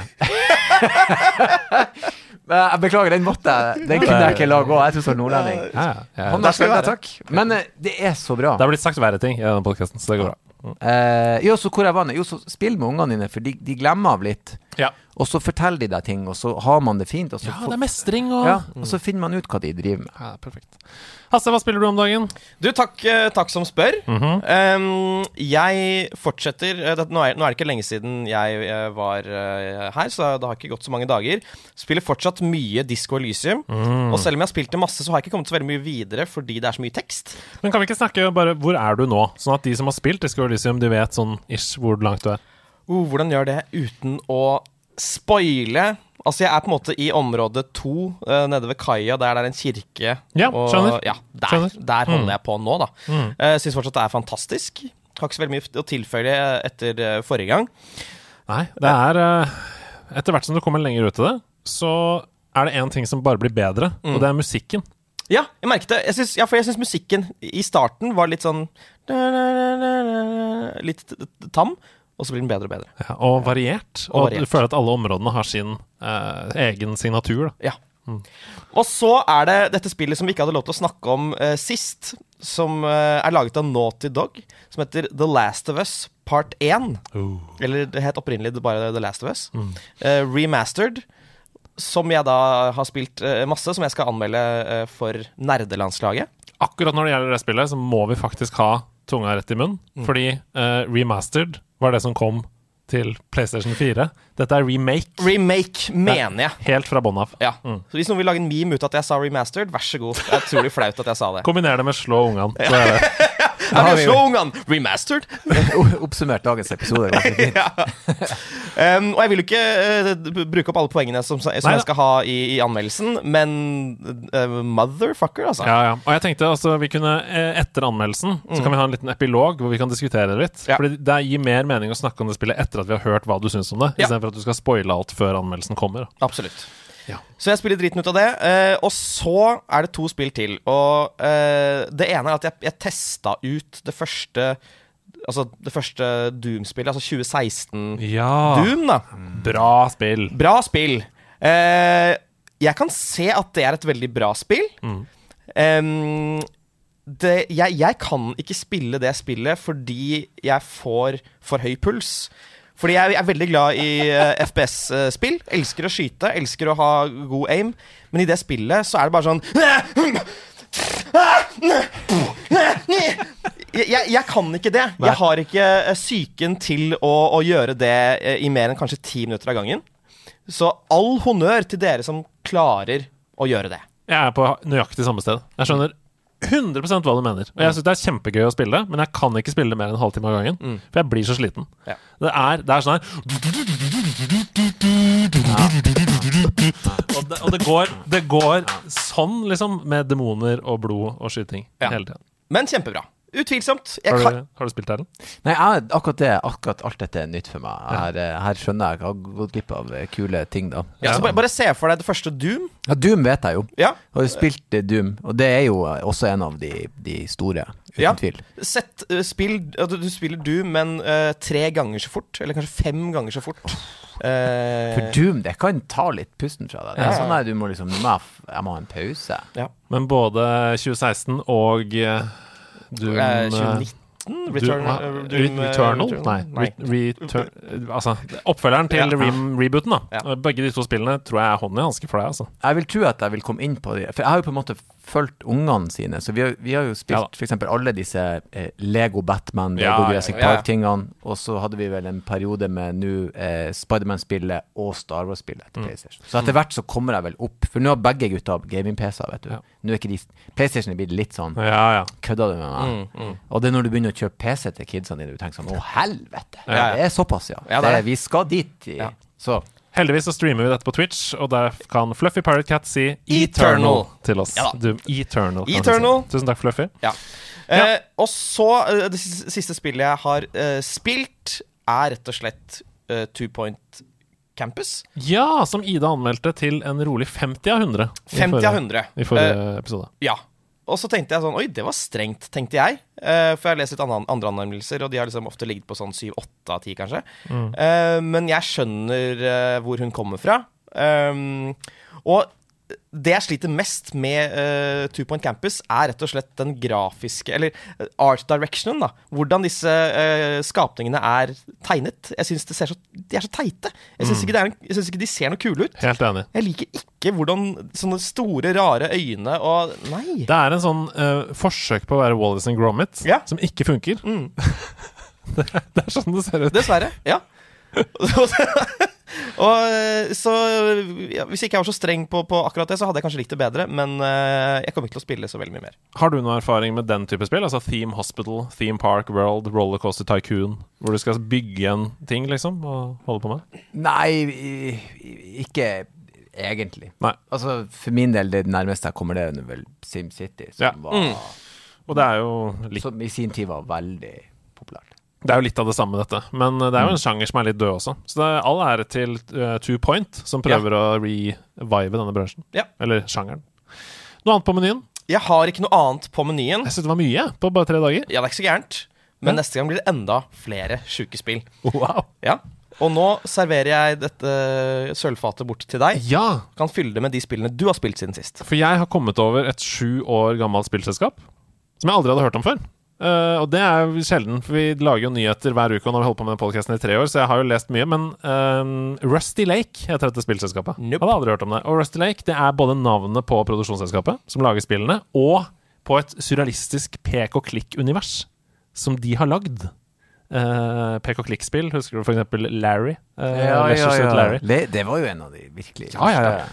Sånne type pek og klikk-spill. Eh, det er ikke dette, det er ikke Leisure Suit Larry, dette. Men eh, jeg googla fordi jeg savner den sjangeren litt. Du snakker om å tømme hodet. ikke sant? Eh, ting går så veldig fort hele tiden. Og vi skal jobbe så dritmye, og vi skal rydde i hagen, og vi skal gjøre masse greier. Så det å bare senke tempoet og pek og klikk, som er slow sjanger, liksom, det tiltalte meg. Så jeg googla Best Point of Click Games on Steam. Og så fant jeg da dette selskapet Rusty Lake. Og så ser jeg, da, når jeg har øh, gått inn på Steam, så ser jeg at alle spillene som de har lagd, de hylles opp i skyene. Oi! Det står sånn eh, 'sterkt anbefalt', 'veldig anbefalt', masse tomler på alle spillene. Og i anmeldelsen av det ene spillet, eh, det heter The White Door, det ene spillet, så var det en som hadde skrevet sånn her er måten du skal spille Rusty Lake-spill, i denne anbefalte rekkefølgen. Og det digger jeg så mye. At folk gidder å være kuratorer på den måten. Mm. Her kommer jeg. Jeg ser et nytt univers som jeg ikke har sett før, og skjønner sånn Oi, her er det sikkert mye å sette seg inn i. Nei da, for det er noen som har gjort det for meg. Sier bare sånn Begynn å spille det, så går det bra. Men det er ingen dårlig idé hvis at du er spillprodusent, for du kan på en måte hvis du, hvis du går for høyt ut til å begynne med, så får du ikke til, og så tenker du dette er ikke for meg, i stedet for at du på en måte geledes inn i Det burde egentlig Det er et eksempel til etterfølgelse. Kanskje i starting screen så burde det stått sånn Har du spilt noe Rusty Lake-spill før? Ja. Og så kan du trykke nei, så er det sånn Ok, begynn med dette Ja. isteden. Fordi der sto det da i den eh, kommentarfeltet at du burde begynne med spillet Samsara Room. Samsara Room. Eh, så da Høres, fa- Jeg Det høres ut som en roman av Jojo Moyes. Ja, det er, referansen sitter løst. Okay. Det liker jeg godt. Eh, så jeg fant Samsara Room på Steam, og så da til min store glede at det er gratis. da Det er, gratis, på Steam. Ja. Samsara Room. Uh, Lasta ned, starta det opp, og det er et pek og klikk escape room. Eh, og, og de spillene er jo aller best hvis du vet minimalt på forhånd. Ikke sant? Så jeg skal bare snakke om selve mekanikkene i det spillet. Du våkner opp Samsara Room i et rom. Det er en telefon og, en, og et vindu og en eh, liksom, kommode med noen skuffer i. Eh, og så kan du gå til venstre og høyre. Og så skjønner du at ok, du er i et rom, det er fire vegger i det rommet. Um, så du må orientere deg, du må finne ting rundt omkring. Ting du kan kombinere med andre ting. Skjønne at ok, hvis jeg river i den, så er det noe bak. ikke sant? Sånne ting. Um, og til slutt så kommer man seg da ut av dette rommet. Uh, jeg ble ferdig på ca. 70 minutter med det spillet. Ja. Én time og ti minutter ca. Uh, ifølge Steam. Det sto sånn 'played 72 minutter', eller noe sånt. Og jeg likte det veldig, veldig godt. Det var uh, deilig pustepause fra hverdagen, Uh, hvis man liker den type hjernetrim. Da. Mm. Eh, så på den der anbefalte rekkefølgen av spillene til Rusty Lake, så er det 15 spill til Oi! i samme sjanger. Har du litt å drive med, da? Ja, jeg har det, men, men jeg gleder meg skikkelig, Fordi jeg tipper jeg kommer til å komme gjennom kanskje ett i uka. Hvis det tar én til to timer å komme gjennom, sånn som dette spillet tok. da Og det er jo hvor Altså, The Last of Us Part 1, for eksempel, bruker jo 15 timer på det Yep. å komme gjennom. Så her er det 15 spill fordelt utover 15 timer, istedenfor ett Ja. med 15 timer. Ja. Ok, Uh, så er det en ny sesong i Battlegrounds i Heartstone. Heartstone er jo et mobilspill. Eh, Det er ikke bare det, men har du noen forhold til det? Ikke noe, nei, faktisk. Nei. Det er jo et kortspill fra Blizzard. eh, litt sånn som Pokémon. Du samler på kort, og så fighter du mot andre. Eh, de har introdusert veldig mye nye ideer eh, i den nye sesongen av Battlegrounds, og det har blitt et ganske nytt spill av det. Så hvis du har vært veldig god hittil, så er det ikke gitt at du er god nå. Mm. Fordi metaen har forandra seg såpass mye, da. Jeg syns det har vært vanskelig nå.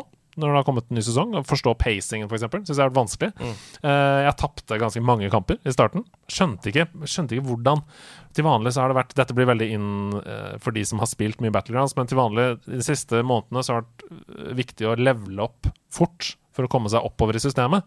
Men nå, nå, nå når jeg leveler opp fort, så blir jeg bare overkjørt. Eh, og det har litt med det nye Quest-systemet og sånn. Så jeg driver fortsatt og tweaker hvordan jeg skal komme meg oppover der i rank. Uh, gå bedre og bedre. Så ja. Sist snakket du om at du skulle komme deg over 6500. Ja, og det resettes jo til ny sesong, så nå er jeg på null. Eh, og man får for en seier, så uh, i starten så får man jo mer enn man får etter hvert, men opp mot 300 uh, poeng. Så ja, nå er jeg vel på sånn 1200 eller noe sånt.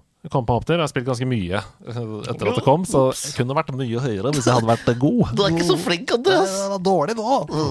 Men det er greit. Jeg tror det, det kan være sympatisk for andre å høre. Å ja, det er ikke bare jeg som er dårlig, nå som det er en ny sesong. Man må spille litt annerledes. Ja. Ja.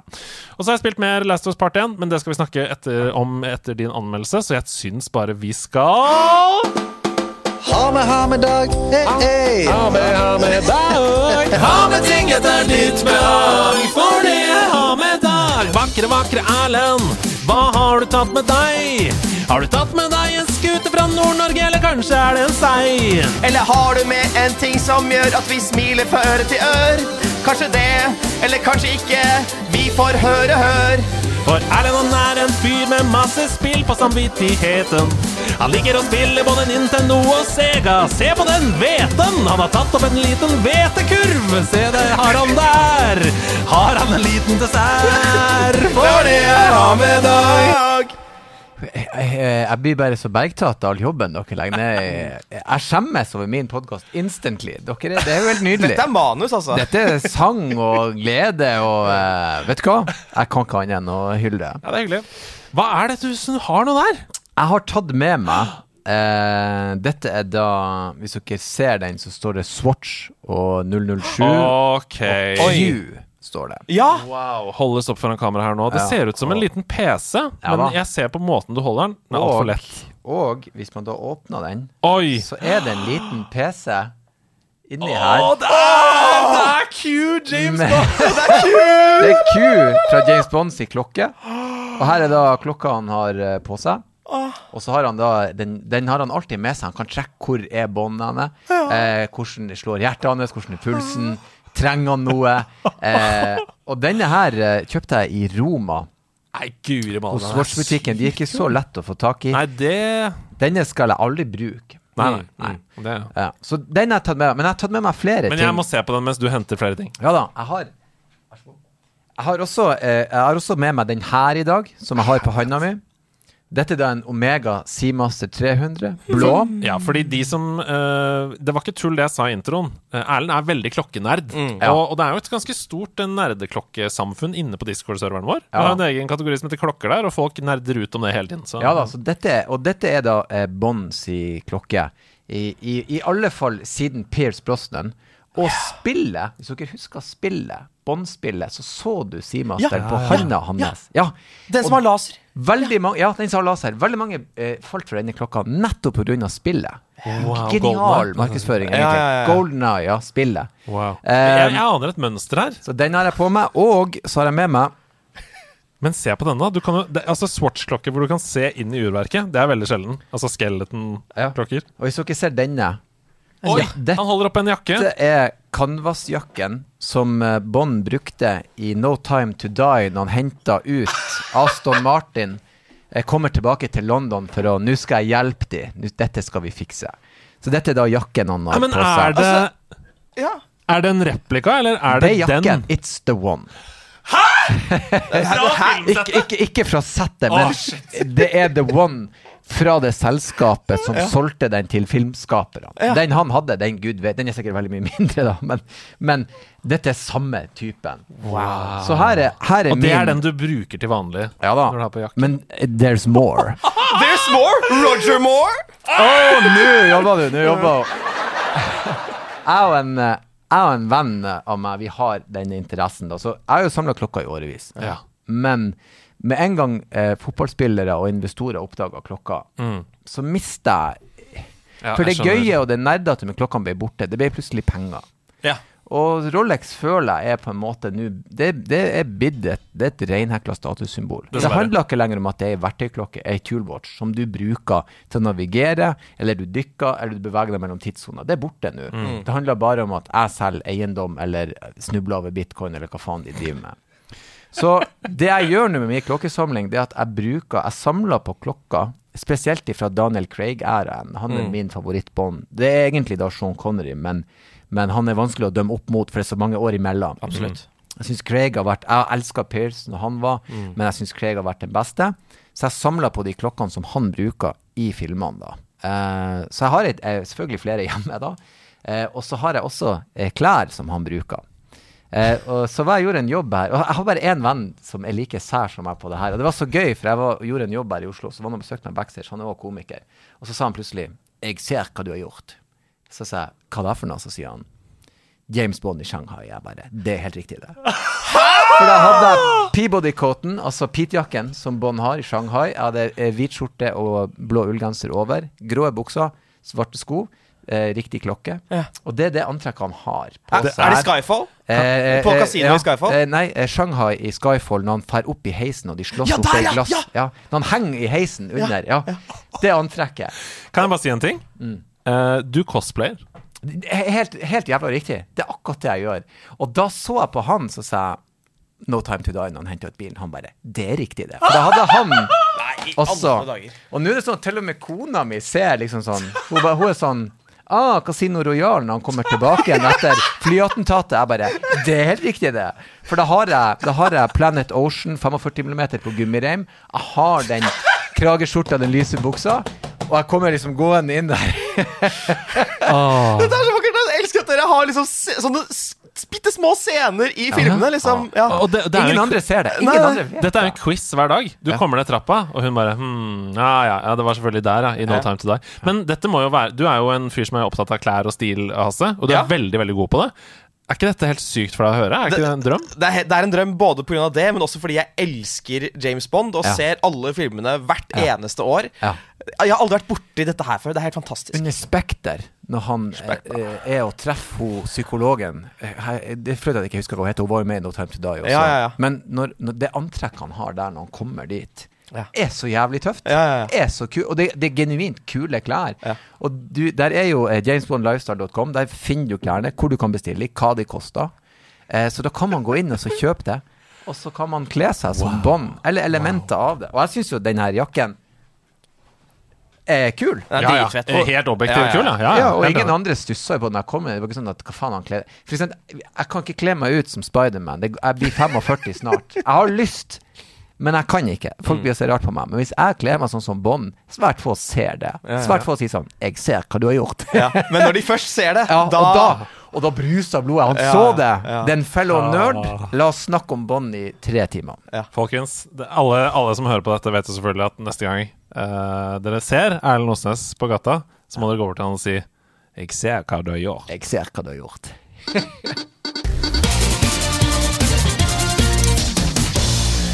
Oh boy! Mitt navn er Andreas Hedman, og dette her, det er Nerdenytt. Jeg tror vi bare skrur av den eh, bakgrunnsmusikken, ja, fordi ja. det, vi kommer til å diskutere nyhetene. Det er ikke sånn bulleteng-stemning her nå. Nei, Eh, Men det har gått et par år siden Først skal vi til innenriks. Det har gått et par år siden Tesla Grad 2 ble annonsert, eh, og nå har bergensbaserte Rain Games lagt ut den første kikken på spillet. Tesla Grad 2 det spiller på de samme strengene som forgjengeren. Det handler om å benytte seg av magnetisme, benytte seg av strøm, for å da puzzle-plattforme seg til seier. Eh, tenk Portal, bare uten Portal-mekanikk. Eh, samme, type spill. Eh, jeg syns det ser veldig fint ut. Jeg likte også det første spillet. Koste meg med det. Eh, oppfølgeren den kommer til forrige og nåværende generasjons konsoller og PC våren 2023. Utenriks. eh, Ubisoft har annonsert det neste spillet i Assassin's Creed-serien. Det har fått navnet Assassin's Creed Mirage. Ula, På bildet som lå ved annonseringstweeten, så ser det ut til at vi skal spille som en ung Bazim. En karakter som vi ble kjent med i Assassin's Creed Valhalla. Mm. Eh, Foreløpig er det litt mer å melde om det, annet enn det ryktestrømmen har meldt. Og dersom ryktene strømmer, så vil sp eh, vi spille ifølge gamer.no ta sted i Bagdad Mm. denne gangen. Eh, være et litt mindre, mer fokusert spill enn de tre forrige spillene i serien. Kanskje ikke så open world. Mer eh, lene Altså hva heter det når du blir leid i hånda gjennom en uh, Lineært. Eh, Mer lineært, ja. Uh, det kommer våren 2023. Uh, mer info om spillet det får vi på en pressekonferanse 10.9. klokka 9. Hva tenker du om dette? Er dere gira på Ass Creed? Oi sann. Jo, det er Assassin's Creed eh, Unnskyld meg. Assassin's Creed var jo også sånn spill som når det kom, var ganske sånn banebrytende. Og kult og fett. Og eh, jeg liker jo Jeg liker jo de her spillene med litt sånn storyline der du Altså, no shit, jeg kler meg ut som James Bond. Det er jo en slags du, du kommer inn i et univers, og du blir en del av det. Det syns jo jeg er dritkult. da. Ja.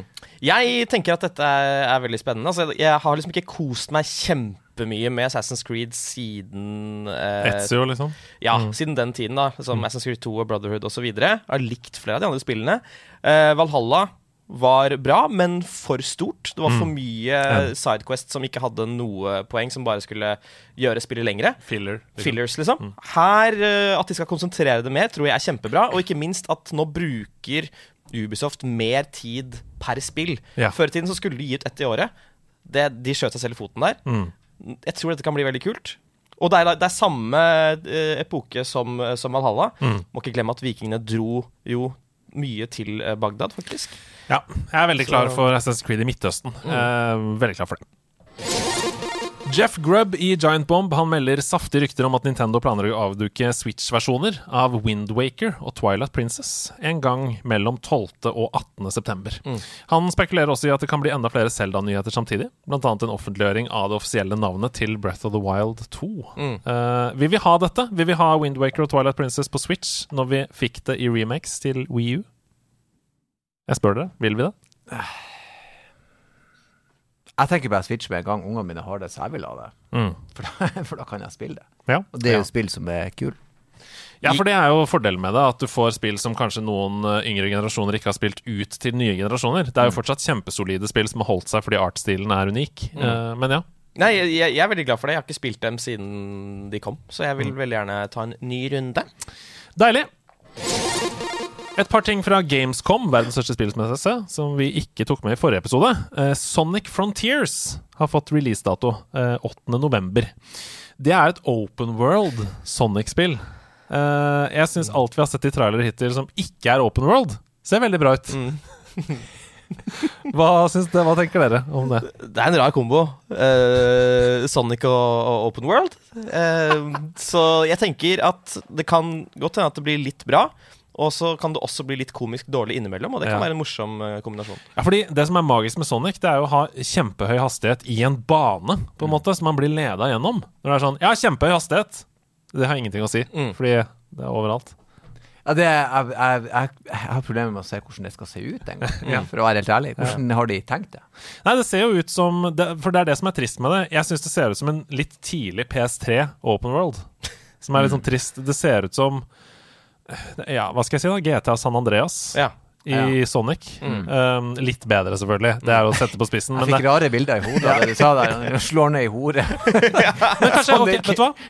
Det ser litt ut som Pokémon Sword, liksom. Ja. Altså en, en open world som er animert, og som er litt sånn eh, Fjellene er bare grønne, avrunda ting, liksom. Eh, jeg skjønner ikke hvorfor vi skal ha Sonic i open world hvis ikke det skal være Forza Horizon open world. Ja, ja. jeg mener? Fordi det er noe som er veldig gøy med å kunne løpe kjempefort med Sonic i hvilken retning du vil, og oppdage byer sånn vuff, vuff, vuff, vuff, i en open world fordi du løper dritfort. Det er jo gøy. Eh, men da må den verden være like levende som Forza Horizon 5, da. Eller Breath of the Wild, for eksempel. Det gjenstår jo å se. Ja. Det er i hvert fall interessant. ja, nei, jeg skal ikke dømme før jeg har spilt det, men jeg er ganske skeptisk. Du sier du kommer til å spille? Ja, det gjør jeg. Okay. Absolutt. Kan ikke, si, kan ikke si at det er ræva hvis jeg ikke spiller. Vi skal til været. Herlighet som vi skal få kjørt oss denne uka her. Det er masse masse spill i horisonten. Først ut er Circus Electric. Mm. Det kommer tirsdag 6.9. Det er et historiedrevet taktisk rollespill med turn-based fighting. Det ser ut som Final Fantasy, bare eh, veldig kul grafikk. Eh, du må styre et London-basert sirkus.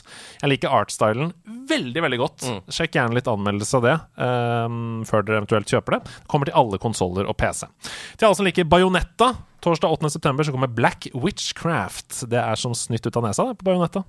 Det er et gotisk actionrollespill. Du spiller som en rå dame som banker opp masse folk. Altså Bajonetta, Ja, ja. Eh, og det er kun på PC. Så hvis du liker den type spill, så det, må du ha PC. Uh, samme dag, torsdag 8. september, så kommer Steel Rising. Action-RPG som ser veldig ambisiøst ut. Det er satt til Paris i 1789. Den franske revolusjonen har blitt meid ned av Ludvig den 16. og hans historisk ikke-korrekte mekaniske hær. Det låner masse fra FromSoft-universet, både i gameplay og i feeling. Uh, og det kommer kun til PS5, Xbox X og PC, så det er krevende. Det er, det er et svært, rått spill. Ser du på bilder av det nå? Ja, jeg blir gira. Jeg blir gira. Altså, du, du hadde meg på den franske revolusjon og eh, Roboter. roboter. Anakronistiske roboter. Ja, jeg kommer til å spille det. Ja. Bare ut ifra det du sa nå. Skal sjekke om vi kan få anmelderkode til det. Steel. Rising. Eh, så er det to gigantiske spillslipp på fredag. Eh, 9. september. Det første er NBA 2K23. Kommer til alle spillmaskiner som finnes, selvfølgelig. Mm. Eh, mer basket til folket. Jeg likte veldig godt eh, 2K21. Sleit litt mer med 22. Det ble for kommersielt, masse sånn reklame. Du går rundt i den der open worlden der, så kommer det en fyr og sier sånn Hey man, have you checked out the home services from Jeg bare Hva er dette? Ja, ja. Jeg skal ikke ha det sånn i spillet mitt. Har du noe forhold til basketspill? Du spiller med fotball? Nei, prøvd et par ganger. Mm. Det ble aldri helt min kopp te, egentlig. Fotballen var, fotballspillene var det. Og så hadde jeg jo en litt sånn der, en, et skambetont forhold til Fifa der, sånn at jeg, jeg valgte å holde meg litt unna. Samme dag så kommer Nintendos storsatsing som jeg opplever at veldig veldig få snakker om, nemlig Splatoon 3. Det kommer Ja. på fredag! Det er det ikke mye bøss rundt. Det er det ikke mye buzz rundt, og det er jo Nintendos store skytespillsatsing.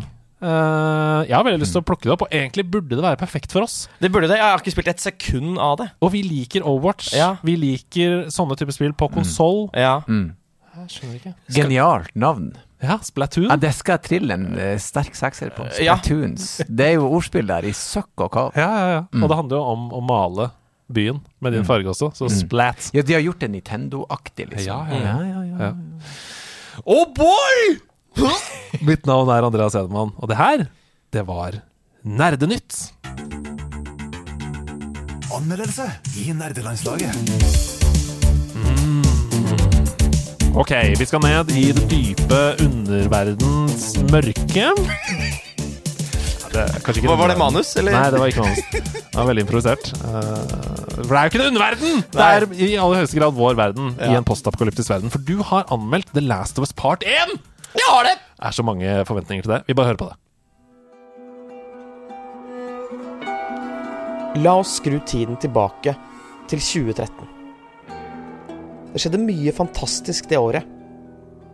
Magnus Carlsen ble verdensmester i sjakk. Bandet My Chemical Romance ble endelig oppløst. Tverrlandsbrua på rv. 80 i Bodø ble åpnet. Men det aller viktigste som skjedde, var at Naughty Dog ga ut spillet The Last of Us.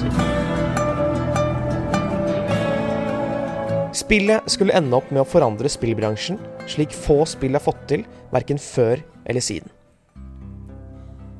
Dette var et paradigmeskifte i spillindustrien, og det er faktisk ikke en overdrivelse å påstå at dagen The Last of Us ble utgitt, det var dagen spill ble voksne. For dette er spill som balanserer fantastisk grafikk og gameplay med tung, vond tematikk uten at det noensinne blir kleint. Og bare sånn, før jeg begynner å snakke om hva, hva som er nytt her, så skal det sies at The Last of Us er på andreplass over mine favorittspill gjennom tidene. Last of Us 2 er på førsteplass. Mhm. Men ja, OK, folkens. Nå har altså remaken til The Last of Us Part 1 kommet. Og det er viktig å understreke ordet remake. For dette er ikke en remaster. Alt er faktisk bygget opp helt fra bunnen av, og det merkes på grafikken. Det ser ballebra ut. På nivå med The Last of Us 2. Til tider enda bedre, utrolig nok. Lyden er også bedre, og hvis du spiller på PlayStation 5 med, med pulse headset, så er det farlig realistisk å snike seg rundt i post... Åh, jeg hater det ord. I postapokalypsen. Ok Attpåtil er den kunstige intelligensen til fiendene skrudd opp flere hakk for å minne mer om den man finner i oppfølgeren. Og nevnte jeg haptisk feedback? Nei, jeg gjorde ikke det, fordi jeg i manuset mitt har ventet med å nevne det til nå.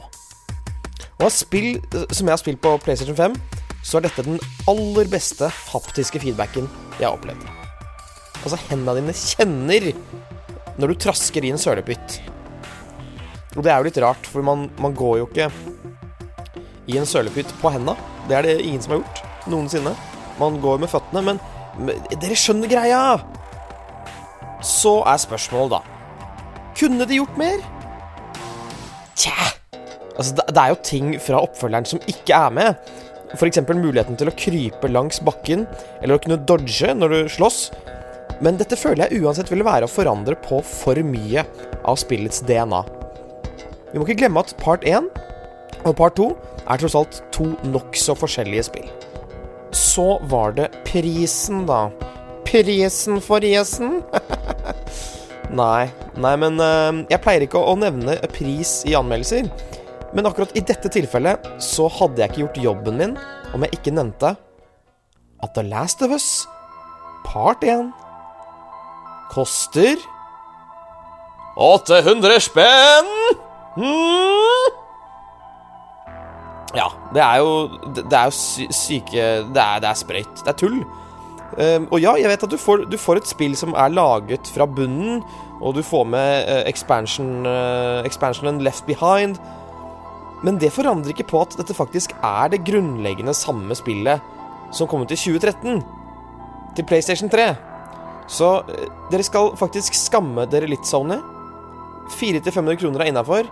Ikke åtte. Eight rings to rule them all. Men nok skummel musikk. Jeg, jeg, kjører litt hyggelig musikk på slutten her. Fordi jeg må jo komme med min dom. Og tro meg, folkens. Jeg ville ikke gitt dette en tilnærmet perfekt score om de ikke virkelig hadde gjort jobben sin her. Men det har de. De har gjort, de har gjort jobben sin, Påsan. Skjønner du det? Skjønner du det, Påsan? De har gjort jobben sin. Så her blir det 98 av 100. Utvilsomt. Det er eh, Hvis du ikke har spilt The Last of Us part 1 før, så, så har du ikke noe valg. Da må, da må, du kjøpe det.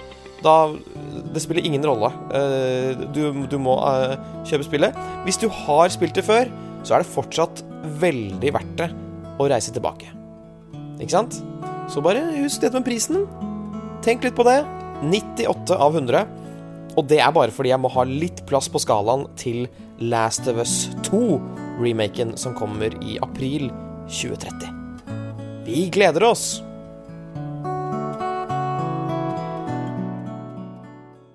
Ja! Det var jo litt av en anmeldelse. Hva syns du? Var ikke Det var en meget bra anmeldelse. Den slutten der? Sånn. Ja da. Jeg har ikke gjort uh, den vrien før, den slutten. Nei, det er veldig spennende. Eh, hva, hva, har du lyst til å utdype litt mer om hva du tenker? Nei, altså uh, Det jeg tenker, er jo at jeg misunner de som ikke har spilt The Last of Us Part 1 før. Fordi de kommer nå til å kunne spille det og få en enda bedre opplevelse enn jeg fikk da spillet kom til PlayStation 3. Tenk på det. Som er helt sykt å tenke Ja, på. ja. Eh, ja. Har du spilt det, Erlend? Nei. Åh! Dette er nytt for meg. Så her mye fett i vente! Ja, men jeg skjønner jo at her er det bare å hive seg på bølgen Ja, med ja. en gang. ja, dette er banebrytende shit, altså. Ja, For det er det som er min følelse også. Hvis du aldri har spilt dette spillet før, så er det i sin klart beste versjon her. Og for meg så er det jo et av mine beste Altså det er et av mine beste spillopplevelser gjennom tidene. eh, da det kom på PlayStation 3. Wow. Ja, samme. Eh, det er, Det altså, sier ikke lite, oss. jeg pleier å si at pakken The Last of Us, Left Behind og Part 2 er mitt favorittspill. Det pleier jeg å si. Eh, men ja, hva mer om, om, om Part 1, altså remaken? Nei, det er bare at det, det ser dritbra ut. Eh, og de har også implementert AI fra Last of Us Part 2, sånn at det føles Altså, det har, det har jo skjedd ganske mye på spillefronten på ti år nå, Uh, så fiendene er uh, smartere. Uh, og generelt, det er bare veldig velpolert og, og, og bra. Og det eneste å utsette er på en måte prisen. Ja, for det her er min store, mitt store ankepunkt. På PlayStation Store så koster det 800 kroner. Ja. Og det er en skandale. Det er en skandale. Det mener jeg er en skandale. Det er et spill som har eksistert dritlenge, og så skal du betale mer enn du betaler for de fleste nye spill. Ja, og til vanlig så Man skal ikke ta med prisen i aspektet når man skal anmelde et spill, for det er en kulturopplevelse. Du skal anmelde det på vegne av det. Men vi er jo også en consumer-podkast, på en måte. Vi skal jo gi råd.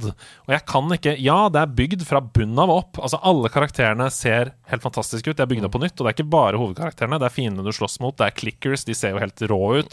Alle miljøene er det, er det er virkelig et helt nytt spill. Men det er den samme historien. Det er de samme fiendene på samme sted. Hvis du har spilt det før, så er det ikke det er ikke så stor forskjell, annet enn det grafiske. Det burde kosta 400 kroner, maks. Det burde.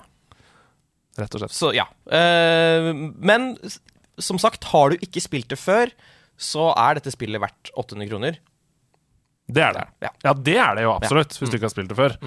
Um, så hvis du faller inn i den kategorien, meget value. Men jeg kjenner også at um, jeg har ikke en så sjuk opplevelse med det nå som jeg hadde første gang, åpenbart. Etter å ha Uh, spilt toeren. etter jeg har spilt uh, toeren. Ja. Er du klar for å spille? Ja, jeg er det. Det er bare å komme seg hjem og få det til umiddelbart. What? Well, actually, surely what you're saying is a balderdash of ox's feces, sausage tissue, urine talk. On, on the contrary, no, no, no, no. I beg to differ! De nerde strides. Ok. Yes. Erlend, hva har du tenkt å si til oss som gjør at vi blir rasende? Som gjør at vi har lyst til å kaste deg ut? Jeg, jeg vet ikke om det her er spesielt eh, provokativt eller banebrytende, men eh, jeg vil fjerne alt av aldersgrenser på spill. Oi! Og så vil jeg også uh, bare si at alt Fifa gjør med å selge ting i spillet og markedsføring, er helt greit. Og de må bare fortsette med det. Og folk må gjøre det i alle spill. Det gjør meg ingenting. Ok, Wow! studio brenner! Det brenner! Det brenner! Ok, vi må ta for oss del én først. Ah, ah jeg fikk brannsår! Ah. Del én. Eh, Du vil fjerne alle aldersgrenser på alle spill. Ja. Eh, Kanskje ikke så kontroversielt, men jeg har aldri hørt noen si det. Nei. Hvorfor? Fordi at i, i praksis så er det sånn at det er svært få som følger disse aldersgrensene uansett. Eh, og foreldre bruker aldersgrenser eh, som et slags verktøy for å ikke ta ansvar for hva ungene driver med. Ah. Og det irriterer meg at de lar det være opp til samfunnet å ta vare på. Hvorfor er det ingen som tar bort Andrew Tate? Hvorfor er det ingen som setter For du må snakke med ungene om at han er en løk. sant? Du må forklare dem hva dette er. Du må lære dem hva underholdning er fra ung alder. Så jeg vil si fjern det, ikke sant. Sånn som når når, eh, Ikke Overwatch, eh, men, men eh, Battle Royale, der står det på navn. Det andre der. Der alle Eh, møtes. Å ja, eh, PUBG, eh, Fortnite? Fortnite. Fortnite. Ja. Eh, når det kom, så, så eh, kom sønnen min og spurte kan jeg spille Fortnite. Og så så jeg inn på spillet, og så så jeg på det, så tenkte jeg dette er jo greit. Det er jo ikke blod, gørr og gusj. Det er helt i orden. Så sa jeg ja, du kan spille det. Og eh, da var det jo en mange andre av hans venner som ikke fikk lov. For foreldrene har ikke gama. de vet ikke hva det er. De ser på ei aldersgrense og gjør ei vurdering. Så er det sånn, jo men Lars, du setter jo ned og lar ungene se Jack Sparrow, selv om de ikke er tolv år, ikke sant, eller ni, eller hva faen det er. Så jeg vil at du skal ta det bort, for foreldre må sette seg inn i hva det er, og så må de lære ungene hva det er, og så må de lære ungene å forholde seg til det. Ja. For hvis det er bare tøv, de aldersgrensene. Men it takes a village to raise a child, da. Man må ha hjelp. Jeg, og jeg er enig. Så, eh, men det er derfor, ikke sant? For jeg sa jo til de andre foreldrene sånn, Hallais, har dere sett hva spillet er for noe? Jeg har hørt at de skyter hverandre i hodet!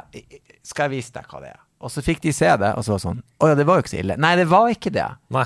Det var ikke det. Som det sjeldent er, ikke sant? Sier du det oppi fjeset? Nei, det var ikke det! Sier Ja, akkurat, det. akkurat sånn jeg sa. Rett i fjeset hennes. Nei, for jeg blir så irritert når de ikke setter seg. Altså, Ja, nei, men det er sant, det. Sett deg inn i hva det er. Gjør det sammen med ungene dine. Ok, over Og til del to. Mm. Du vil Du vil? Mm. Fortell, fortell det. Jeg vil at de, Det skal fortsatt være muligheter til å kjøpe ting. Det må fortsatt være ikke sant, sånn at det koster noe innad i spillet. Det gjør meg ingenting. Nei, men du er jo ikke i fallgruven heller. Altså dette, det, de, de bruker jo kyniske metoder for å utvikle algoritmer som gjør deg mest mulig avhengig, Mm. sånn at de som sliter med spillavhengighet som en lidelse, skal spille seg fra gård og grunn. Det er jo Mm. grunnleggende. Å ja, ja, ja. Og det møter du i hele verden. Mm. Overalt hvor du går henne. Så hvorfor skal du skjerme ungene dine for det de blir å møte uansett? Aha, du er en sånn eh, la, la barnet brenne seg på stekeovnen. Jeg så han en det var, Jeg syns det her var kjempegøy. Det var en eh, eh, oppe i Narvik. Når mobilspillene begynte å komme, så var det et smurfespill som var på mobilen til en fyr. Og så hadde sønnen hans fått spille det der. Så hadde han kjøpt Han kjøpte smurfebær for 18 000.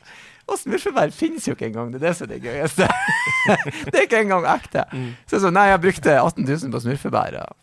Jeg kan ingen kan si jeg har aldri brukt det til noen ting. sant? Og så husker jeg han var liksom opprørt og var sånn Ja, faen, her må liksom De må betale meg tilbake pengene og sånn. Jeg var sånn Nei! Du må sørge for at det ikke går an å kjøpe ting uten passord. Du må lære ungen din at her inne er det virkelige regler som gjelder. Du, du kan ikke skyve det ansvaret på noen andre. Det blir det samme i spillverdenen. ikke sant? Sånn som når dattera mi nå vil jo ha app og alt mulig. Og jeg har forklart at denne kan ikke du få. Den Se hvor mye den koster i måneden. Og hun bare Oi, gjør det det? Ja, sier jeg. ikke sant? Så viser jeg henne det. For når hun blir voksen, så kommer jo hun til å komme ut. Altså, når jeg var i, i, i 20-årene jeg, jeg, jeg, jeg kjøpte jo ting på avbetaling over en lav sko. Jeg tror jeg betalte rundt 30 000 for PlayStation 1 for jeg ikke betalte regningene og lot det gå til namsmann og faens oldemor. Ja. Jeg kunne ha trengt den kunnskapen. Ja. Så nå har vi en glimrende mulighet til å sette oss ned, lære ungene. Dette har konsekvenser. Og så kan man si det er kynisk av spillverden, det er kynisk av sånn og ditt og datt. Men det er en industri, og de gjør det for å tjene penger. Så Men har ikke industrien et ansvar for å passe på de mest ressurssvake av oss, som ikke har en forelder som tar vare på dem, eller som ikke har venner som sier Hei, du må sjekke, det er mikrotransaksjoner. Har ikke de et ansvar også, de som lager spillet? har kjøttprodusentene et ansvar for å sørge for at folk som ikke er syke eller overvektige, kjøper produktene deres? Hvorfor er det ikke det alkolåser i hver eneste bil? Nei, for det er ikke deres ansvar. Det er ikke produsentens sitt ansvar. Enn så mye som vi har lyst å så plassere det ansvaret en plass, Men, så okay. kan vi liksom ikke hekte på den Så du vil heller ikke regulere tobakk, da, for eksempel? Fordi det er jo det samme De ønsker jo å selge tobakk til barn, hvis de hadde kunnet det. Ja, ja, ja. Så klart de gjør. Ja. Men, Men- det er jo strengt regulert Jo, fra staten. Ja, og jeg mener jo at på hvilken måte alkohol og, og tobakk er regulert i norsk målestokk. Hvor mye heimbrent finnes det i Nord-Norge? Ja, det, jeg har ikke noe oversikt. Hvor mye kjøper de i Sverige og tar med over grensa? Sant? Altså det, du har en illusjon av kontroll når du setter opp disse reglene. Det er et Ja. system av regler som sier at ja, vi har regler for det, og sånn er det. Nei, nei. Gå ut i verden, det er det ikke. For min del så kan de reklamere for tobakk overalt. Jeg verken røyker eller snuser. Og det forklarer mine unger hvorfor. Mens hvis du røyker sjøl som forelder og så til foreldrene dine og tungene ungene dine og sier det er farlig Ja. Men dette er jo en bit av det som handler om ansvarsfordeling. ikke sant? Og du snakker om at foreldre må på banen og lære opp. Men eh, veldig godt innspill fra chatten her på Twitch. Vi streamer live også hvis du har lyst til å se dette live istedenfor å høre på det på podcast. Helt enig. Det er Carl, Carl Drogo som skriver dette. Beste nikket eh, noensinne. Han skriver helt enig at foreldre må forberede barna på verden utenfor. Men når spillopplevelsen blir dårligere fordi man må betale ekstra etter fullpris, Ja. da blir jeg irritert. Ja, det, og, det, og det er jeg enig i. Det, spillene må på en måte legges opp sånn at du har muligheten til å tjene opp midlene i spillet til å få de samme fordelene som Ja. rene penger gir. Ja. Eh, og, og det er når du på en måte Jeg har opplevd at du kjøper et spill, og så får du ikke kjøpe hele spillet før du må bruke mer penger. Da blir jeg òg forbanna. Ja. Da blir jeg sånn Fuck dere, det, her- det orker jeg ikke. Men da tror jeg vi egentlig er ganske enige. Ja, Futt må bare, det må bare bli litt lettere å kunne kjøpe de beste spillerne uten mikrotransaksjoner. Ja, altså i Ultimate Team i Fifa. Ja. om. Mm. Ja, det der, og det der er jo håpløst. Folk har jo brukt usannsynlige summer ennå ikke fått med seg. Liksom. Det, det er faen det som foregår. Ja, så, kommer det nytt, så kommer det nytt spill neste år, så får du ikke med deg det videre. Så du bruker samme pengene på nytt. Det, er jo, det mener jeg er ran. Men ja. Okay. ja, vi kan gjøre små reguleringer innad, men i utgangspunktet så er det greit at de prøver å tjene penger. Og så må vi heller forberede folkene på det. Nydelig brannfakkel. Ja, pent. Jeg likte det godt, jeg. Ja, ja, ja! Ja! Har du lyst til å rappe? Dette skal jeg aldri gjøre igjen. Jeg skal aldri eh, late som jeg er en rapper på en intro. I spalten 20 Quest Steps, som kommer opprinnelig fra et program på NRK som ikke heter 20 Quest Steps, men det heter noe annet. Heter 20 spørsmål! så skal jeg og du, Erlend, vi skal slå hodene våre sammen og stille Hasse spørsmål helt til vi forstår hvilket spill det er han sitter og tenker på. Eh, Men Hasse han er en såpass kreativ fyr at han har slengt inn en liten vri. Eh, Fortell. Jeg har slengt inn en liten vri, og det er rett og slett at jeg kommer til å snakke som en karakter fra spillet dere skal gjette. Dette er gøy. Så dere skal ikke gjette hvilken karakter jeg er, dere skal bare gjette hvilket spill det er. Og det er ikke Ja. sikkert at min stemme, eh, eh, at denne parodien eh, er, så, er bra nok. Det er ikke sikkert at denne karakteren er kjent nok. Så fokuser mest på hva dere lærer, Ok. men dere kan ha det litt i bakhodet. Ja. Ok, da eh, Er det norsk eller engelsk? Det er alltid engelsk, Alltid fordi de fleste spill er på engelsk. Det er greit. Ja, hvis det hadde vært norsk, så hadde vi skjønt med en gang at det er den lengste reisen. Det er Synnøve Svabø. Ja. Um, ok. Uh, det, Ja. men da skal vi stille spørsmål. Det Ja. som ofte eh, lønner seg i 20 spørsmål, det er jo å begynne generelt, men prøve liksom å snevre inn mest mulig. Så ofte så pleier man å begynne med å stille sånn Er det et spill fra eh, tidsperioden 2000-2010, f.eks.? eksempel Men her er det en karakter. Jeg vet ikke, Har du noe, har du noe strategi? Hva skal vi begynne med her? Oh, um, um, um, uh, vi må prøve å finne ut uh, hva vi er i slags lende her. Ja. Er, det, er det fantasy, er det krigsspill, er det Ja. shoot them up? Hva er det vi snakker om her? Jeg føler vi må La oss bare intervjue spillkarakteren først. da Han har gått inn i rollen, og jeg ser det er en slags method acting her borte. Har du lyst til å stille spørsmål til denne spillkarakteren som sitter der? Bare rett fram. Må jeg gjøre dette på, på, på engelsk, eller svarer han meg på norsk, siden vi gikk for et engelsk spill? Altså, Du kan jo stille på norsk, og så kan han svare på engelsk. Det kan du gjøre. Mm. Så still på norsk. Jeg, og nå er jeg, jeg føler presset på meg, men Ja, jeg er redd for å kaste bort et bra spørsmål. Ja. Um, og det er en karakter i spillet. Mm. Jeg vil gjerne um, uh, Jeg vil gjerne spørre deg om eh, Hvilke egenskaper har du? I utgangspunktet bør det kanskje være mest ja eller nei. Eller sånn, så er du Kanskje du kan Ah. spørre sånn Er du raus? Eller er, okay. du, er du en Er du um, Ja, faen, for det hadde vært gøy å vite Ja. om man Er, er du assassin? Er du, er du Ja, verktøymann? sånn, ja. altså, hva, ja. hva er du flink på? Ja, har, ja kanskje jeg skal spørre om det. Har du en i, I kraft av din person Altså, har du en jobb i spillet du jobber med? I would certainly say that I do. I say I can help you quite a bit. Oi, ok. Jeg får sånn, sånn gullgraver-vibber, Texas-vibber, western. Å ja, ja. ja, nydelig. Bare spør videre. Vi har 20 spørsmål. Ok. Um, har du tatt liv? I would focus more on the game at hand, but me myself, no, I have not taken many a life. Ok, Tar du del i et spill eh, fra før 2010? I most certainly do. You need to go further back in time to find my game. Ja, Kanskje 90-tallet, rundt der. Uh, skal vi prøve å snevre oss inn på sjanger, eller? At vi ser sånn er dette, er dette et spill som er mest spilt på PC?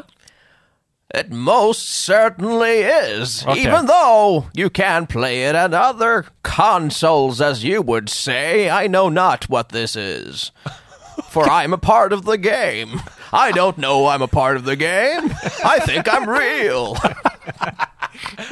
Okay, okay, Så her har vi bredt. Vi har, vi har Ja. konsoller, vi har PC. Men først og fremst PC, sa han. Først og fremst. Uh, og før 2010. Og enda eldre, egentlig. Så det lukter jo liksom strategi, Ja. eller et eller annet uh, uh, taktikkeri på PC, da, kanskje.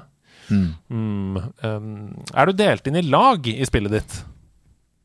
No, that would be wrong to assume. Although you can be several players at one time. Ok, MMO kanskje, eller noe sånt? Men han er altså en karakter i spillet. Kan du være? Ja, skal vi spørre om det? Spør, spør du. Kan jeg være deg i spillet? I am what you modern people would refer to as a NPC, a non playable character you meet early on in the game. Han har veldig stor forståelse for spill. Uh, Veldig reflektert type til å være en del av det. Han har fulgt med på uttrykk og sånn. Det er veldig bra. Ikke lagspill, men man kan spille mange samtidig. Da Mm. tenker jeg MMO, for det er PC, altså multiplayer, masse, som World of Warcraft, liksom. Mm. Det må jo være noe. Men uh, det, kan også, uh, det kan også være type um, eh, Dungeon crawler, altså spill man spiller i, i flere av gangen. Eh, Jeg tenker, jeg tenker sånn kombo av sånn, å si problem du, Han er, må jo være en hjelper eller noe som er Ja. gjennomgående gjennom spillet hele tida. Sånn Stemmen høres veldig sånn Hvis han har satt seg inn i det her, da. sånn som så- Bindersen i Word. Ja, på en måte. Hvor, hvilke, det er mange spill som hadde en sånn type sånn Kom inn, turn the knobs, du. Ikke sant? Så, Ja. ah, et hint der. Er, Altså. er, er dette en overnaturlig verden vi befinner oss i? Oh, the supernatural is in play. I can tell you this much. No matter where you should be. Det er ett eh, spill som driver og henger bak i hodet mitt, Mm. som jeg ikke har noe, noe særlig forhold til selv. Det er Diablo. Fordi Diablo spiller du samme, med samme, og det er Det minner meg om et eller annet fra den der helvete underverdenen. Men uh, jeg vet ikke. Skal vi, skal vi Skal vi spørre om det? Da? Det er jo et Går spørsmål, da. Um, er, er, er du i helvete her? Well, I would say that I am not, but several characters in this game will be down there. Oi. I helvete? Da må det være Diablo. Kan vi spørre om det? Er dette Diablo? Stay a while and listen, for I am Deckard Kane from Diablo. Jeg er veldig imponert. Det er jo helt utrolig! Åtte spørsmål. Ja, ni eller et eller annet. Jeg vet ikke. Jeg telte. Eh, og som vi sier i vignetten her eh, Hvor mange spørsmål har vi egentlig? Det stemmer. Vi klarte det på ni spørsmål. Diablo, Deckard Kane, Stay a while and listen. Catchphrase. Ja, det var veldig, veldig bra eh, parodi, eller hva jeg skal si. Takk. Godt, godt spilt. Har du noe forhold til Diablo? Faktisk ikke i det hele tatt. Nei. Så jeg var i aller høyeste grad en blindepassasjer på din ferd mot sannheten. Jeg tar ingen kred for det, men jeg er glad jeg fikk være med på det. Ja, det var koselig. Eh, Jeg har heller altfor lite forhold til Diablo. Mm. Um, det kom et mobilspill nå, Diablo Immortal. Det skal vi ikke spille noe mer. Men eh, jeg gleder meg veldig til det neste Diablo. Der tenker jeg at jeg skal koble meg på. eh, Ja. Denne Du har spilt det masse. Masse, masse, masse. Elsk det. Elsk det. Gå lydplanken. Erlend Osnes. Ja, ja, ja, du er glad i Bodø-Glimt, men hvor god er du som pirat? I Gå lydplanken så skal dere to lytte til eh, spillmusikk som jeg spiller av. Og så skal dere rope navnet deres når dere vet hvilket spill musikken er henta fra. Og når dere har klart det, så kommer det et oppfølgingsspørsmål knytta til musikken. Eh, og til slutt så er det en te et tema knyttet til de tre oppgavene dere har hørt. da Så det er sånn, Hva er det overhengende temaet? Jeg tror vi bare skal gønne på. Ja. Har du forstått uh, spillet? Ja da. Da må du rope navnet ditt når du vet hvilket spill det er vi skal til. Det kan dere hjemme gjøre òg. Hvis dere sitter i bil, rop navnet ute i bilen. Så skjønner de andre ingenting hvis du sitter med headset, da. Ok, her kommer første oppgaven.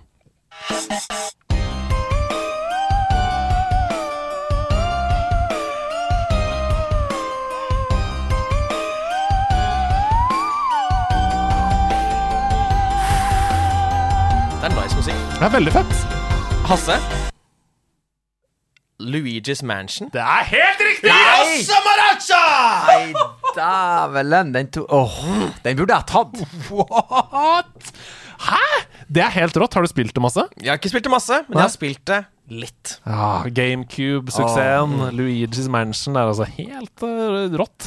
Uh, har, har du et sånn populærkulturelt forhold til det, kanskje? Eller? Nei, men jeg har uh, Det spillet har jeg jo vært borti, faktisk. Det burde jeg jo faktisk ha tatt. Så det var liksom Damn it. Eh, For jeg tenkte sånn, det her blir altfor bredt. Det blir selvfølgelig det, det supreme nerd å ta, men så spilte du noe som var innafor Ja. min realm. Men ok. Ja, det er veldig bra. 1-0. Eh, Her kommer oppfølgingsspørsmålet. Hva heter spøkelsessugeren, med mangel på bedre ord, sier Sebtastic, som har lagd dette til oss. Tusen takk, Sebtastic. Eh, som ble første gang vist i Super Smash Ultimate, men som er hovedvåpenet i Luigi's Mansion 3. Hva heter altså denne spøkelsessugeren som Ja. Luigi suger med, da? det er to gutter. Ja, vi er det. Vi er det. Åh Å, det er så gøy når det er så dumt. Ja. Det er deilig. Eh, nei, hva den heter Det er et ordspill, det Ja, kan jeg si. selvfølgelig er det det. Ja. Jeg, Hasse, prøv meg. Ja. Vaxbook. Vac vacuum, ikke sant? Åh, jeg Vaxbook. skulle ønske du jobba i Nintendo. Det er ikke Vaxbook. Ok. Eh, Spookasøk. ah, nei, det er heller ikke Spookasøk. Men dere er gode nå. Dette, Ja. er, dette er bra innhold. Um, Ghost Søk, nei. Det. Nei, dere vet ikke dette? Nei. Det er Poltergust. Åh! Det er et jævlig bra ordspill, det òg. G100. Det er nydelig. Ok, det er 1-0 etter første oppgave. Her kommer neste oppgave. Rop ut når dere vet hvor vi skal denne gangen.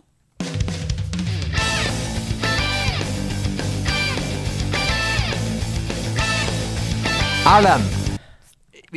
Er det Street Fighter? Å, det er ikke det! Det er ikke det, men det er originalt eh, på samme konsoll som det kom første gang, tror jeg.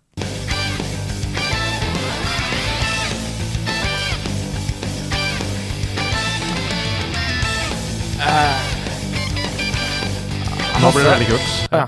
Og, mm. Eh, Wolfenstein? Nei da, men hør nå, dere.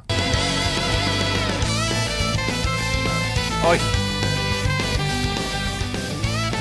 Det er jo så kjent.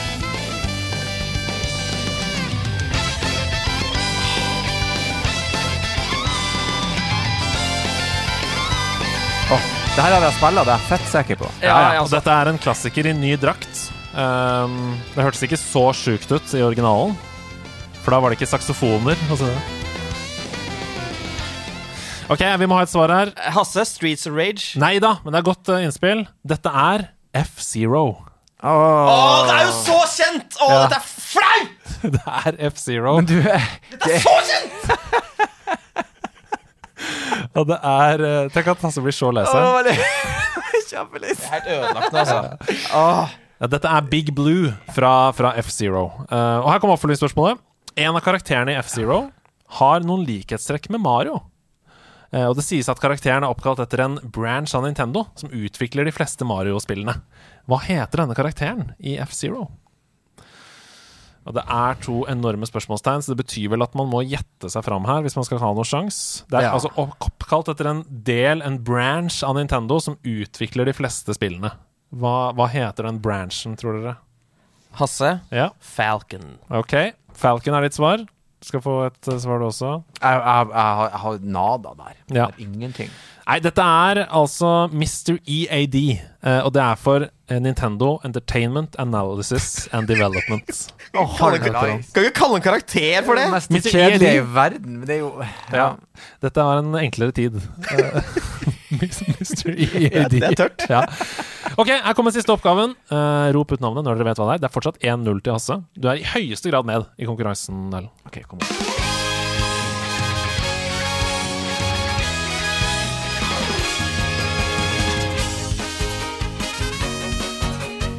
Hasse, altså det, det, er, det er jo Selda, Zelda, men jeg skal kanskje ha et spesifikt spill. Eh, er, det, er det Smash Brothers-versjonen av Zelda-theme? Ja, det er The Legend of Zelda-theme. Du har helt rett, men det er ikke Smash Bros-versjonen.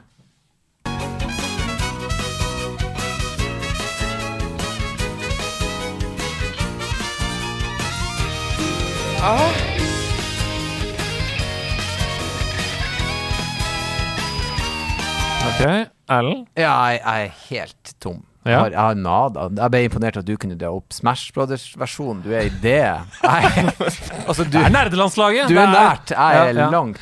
Nei, dette er Mario Kart-versjonen. Nei, av Legend Zelda.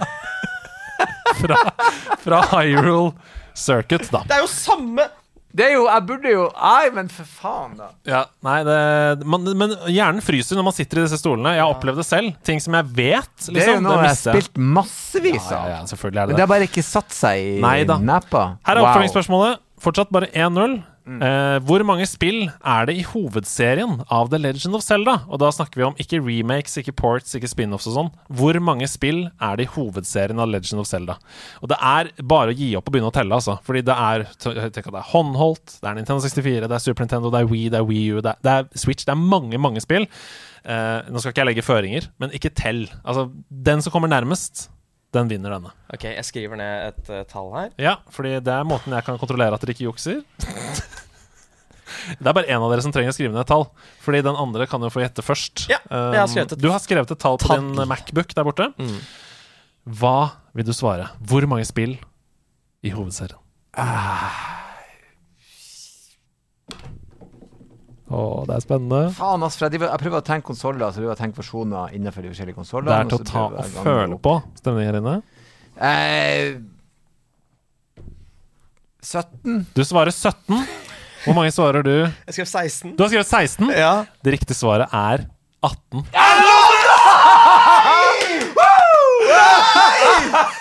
Jeg er så glad for at Berga har gjort på overtid. Jeg lurer han i mål. Du berga uavgjort på overtid, eller gjorde du det? For det er jo et tema mellom disse oppgavene vi har hørt her. Og hva er sammenhengen mellom Luigi's Mansion, Big Blue og The Legend of Zelda, som vi har hørt her? Hva er sammenhengen mellom disse tre eh, tingene? Erlend, vil du svare? Eh, eh, Ei prinsesse? Jeg vet da faen. Ja, det er godt svart, men det er ikke riktig. Eller det er ikke den skal fram til. Hasse? Det er at eh, det starta i 2D, og så ble det Ja, 3D. dette er feil. Fuck off. Hva ønsker du å svare, Ellen? Temaet er jo Vi har altså hørt Kan ikke du ta, ta det en gang til? Ja, vi har altså hørt Luigi's Mansion. Vi har Mm. hørt Big Blue fra F-Zero. Og vi har hørt Hyrule Circuit fra The Legend of Zelda. Temaet?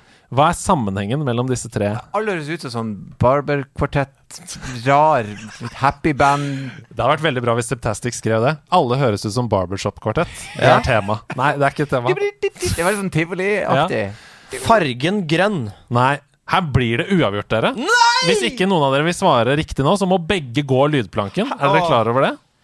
Hva er sammenhengen her mellom Big Blue, Hyrule Circuit og Luigi's Mansion? Samme komponist! Nei da! Ja, men dra til Bloksberg! Hva er det du driver med?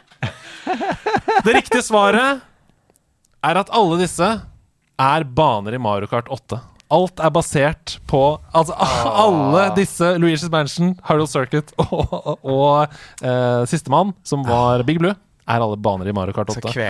Og da vet dere hva som skjer. Begge to må selvfølgelig rollespille. Gå ut og gå lydplanken! Hopp ut i musikkmyra med dere, begge to! Her er jeg som er med sabelen. Hopp ut, Hasse! Kom igjen, da! jeg er glad jeg kan gjøre det sammen med deg, Hasse. Det er veldig bra rollespill. Dere er Vi gjorde det det. sammen, Ja. og det føler jeg er greit. Jeg døde i alle fall ikke alene. Du bæsja på deg. Håkon, Står du på det.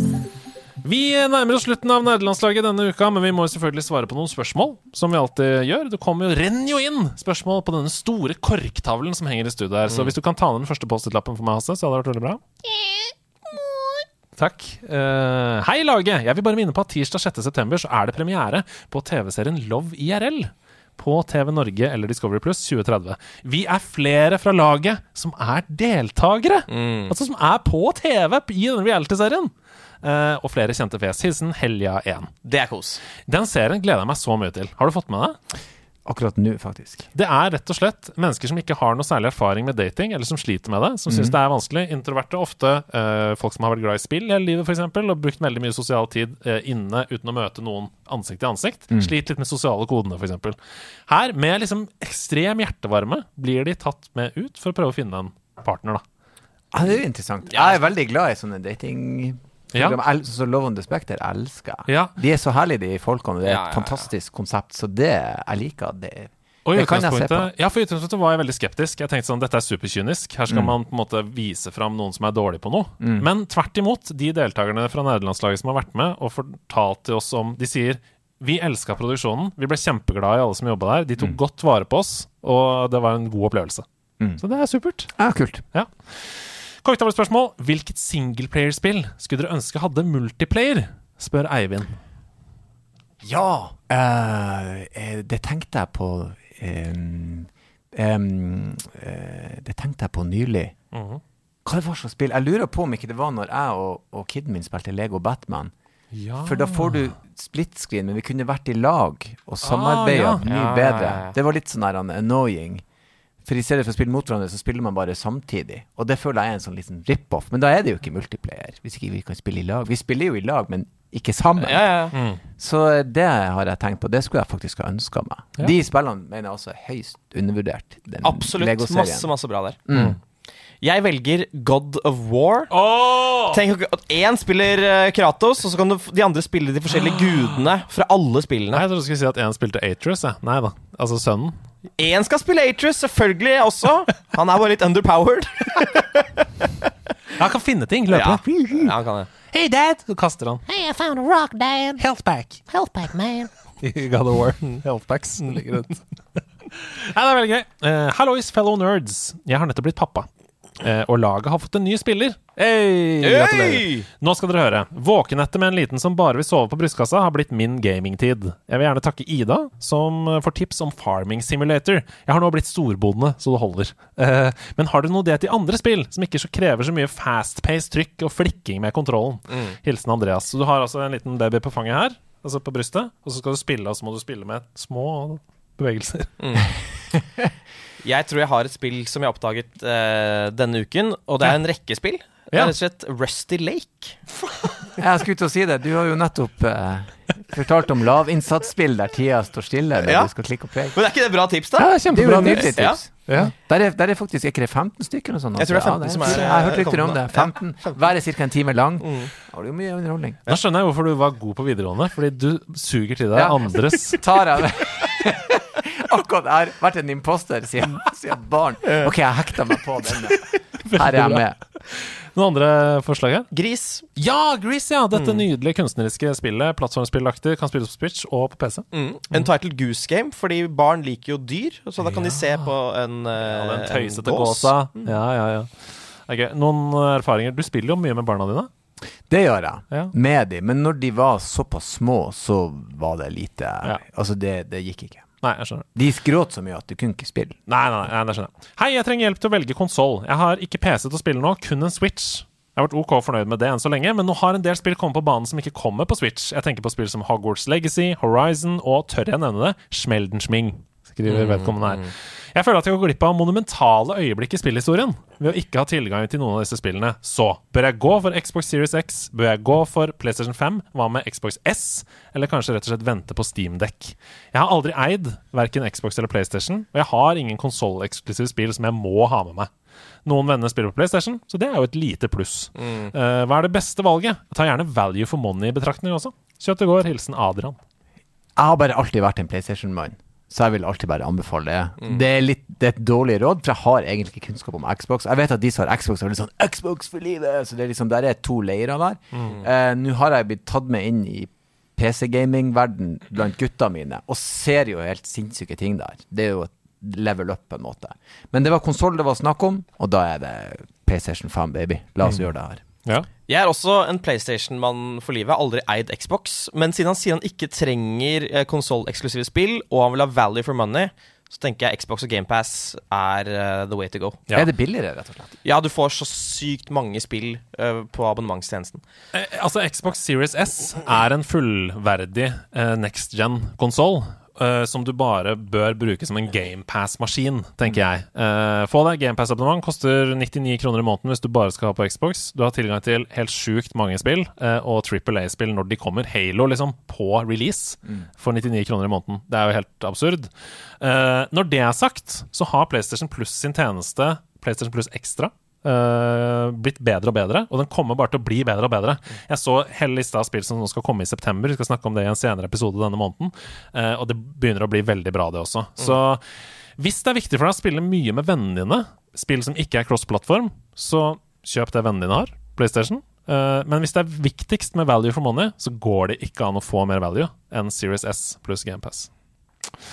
Til slutt, Ben Sars han spør hvilket spill kunne dere blitt verdensmester i hvis det var verdensmesterskap i absolutt alle spill? Det er jo Tekken, da. Ja. Det Tekken må jeg 1? bare si. Ja, hvis vi, vi, vi, drar, vi drar Tekken 1 opp på hatten, med kun de opprinnelige spillerne, så er jeg der. Da, ja. Gullmedalje, det innkasserer jeg tvert. Hmm. Jeg går for uh, Golden Eye single player. Fordi jeg er sykt rask på å runde de banene veldig fort. Oh, ja. Jeg var den beste på skolen, og det gikk over 300 mennesker på den skolen. Da svarer jeg indiespiller Journey. Det hadde jeg vært verdensmester i. Hvis jeg. Jævla hipster, ass.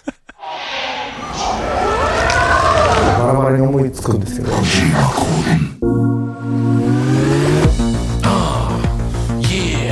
Har tatt heisen ned i Tokyos underverden. Laserne skyter rundt omkring, og Hidio Kojima skjuler seg i våre kropper. Mario. Hideo Kojima, han har tatt over meg Mario.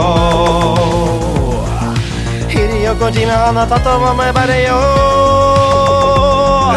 Hideo Kojima, han har tatt over meg Mario.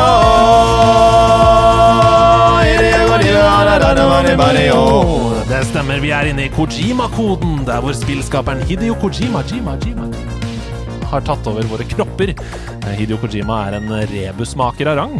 Eh, Og denne gangen har vi også, Hasse og jeg, laget to rebuser som det skjuler seg et spill inni.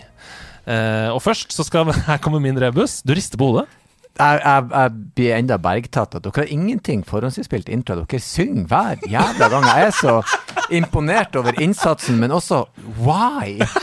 Når du bare Du har jo Det står record på den. Det er bare du Én gang, så er det gjort. Og her drar dere.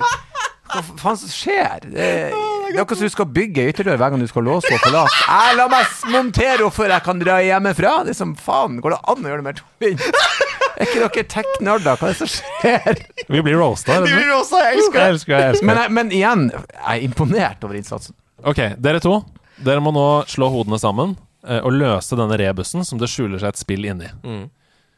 I landet jeg lever, hersker harmoni. Til en kappekledd mann slipper ondskapen fri. Oi. I landet jeg lever, hersker harmoni. Til en kappekledd mann slipper ondskapen fri. Ekstremt mange spill inni den der. Ja. Det, All, det premisset der er jo alle verdener er jo harmoniske til Ja, det noen kommer, noe. og så må du ta tilbake makta igjen. Ja. Du er den gode. Men kappekledd Mm. Hvilke bad guys and girls har kappe? Det er Dracula. Dracula har en kappe. Kan det være Castlevania? Ja, vi har noen sinnssykt med alternativer. Jeg, hva var, jeg spilte nå sist til og med kiden min. Hva var det det het igjen? Du måtte klatre opp i tårn og ta land for land. Og Ligna veldig på Ringenes herre-universet, egentlig. Ja. Det var jo en kappekledd dude.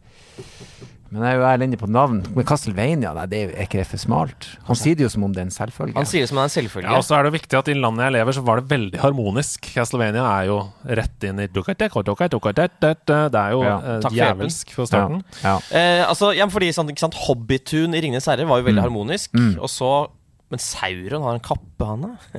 Det er jo øyet der som er det Ja. som er, Han har jo, han har jo kappe. Gannon fra Selda har han kappe. Denne i- forbanna jævelen. Har han ikke det? Ja, han har kanskje det. Ønsker dere å svare eh, hvilket Zelda-spill i så fall? Ønsker dere å svare? Ocarina of Time, kanskje? Svare? Vi maler oss alltid inn i et sånt hjørne der det er Ja. 95 forskjellige varianter. Men du konsoll eller det, altså. Ja, eller ja, ja, fuckings ja. Game Watch, hva er det vi er ute etter? Det er ikke Legend of Zelda, uh, selv om det er svaret deres. Her kommer ledd to, for dere skal få mer informasjon. Sånn at dere har mulighet til å få ett poeng istedenfor to. Her kommer andre ledd i gåten. Det er på tide å ri på en mygg, ikke klegg. Jeg må nedkjempe mørket, fri for nakke og legg. Det er på tide å ri på en mygg, ikke en klegg. Jeg må nedkjempe mørket, fri for nakke og legg. Ri på en mygg? En mygg? For noe tull!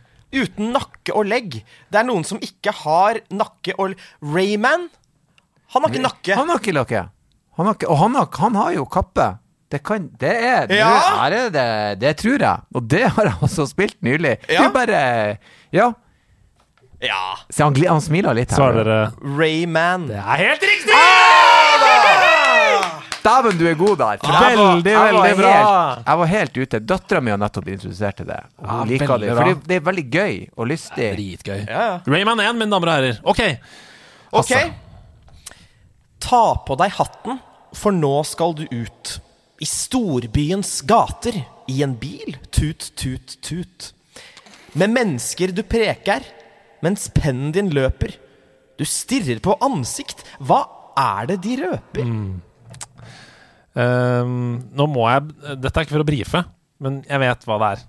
Ja, og da igjen, jeg skal gjøre som på videregående. Skriv av kompiser. Ja, men Har du ikke lyst til å gjette litt, da? Før du har lyst Nei, å altså, det her er, jeg, jeg hører med en gang Det her er et sånn type spill som jeg ikke engang i nærheten av har vært Ja. eh, borti. Det høres ut som et slags detektivspill du skal ut og løse Helt riktig. oppgaver. Det er helt riktig. Um, jeg vet at de type spillene finnes, men jeg har ingen referanser eller navn. Kommer fra samme selskap som lagde Grand Theft Auto.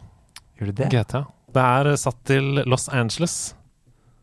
Eh, kom på PlayStation 2, tror jeg. Første gang det kom. Eller var det 3? Da har jeg kanskje hørt om det, men jeg har Ja. aldri spilt det. Dette er LA Noir. Oi. La meg lese del to.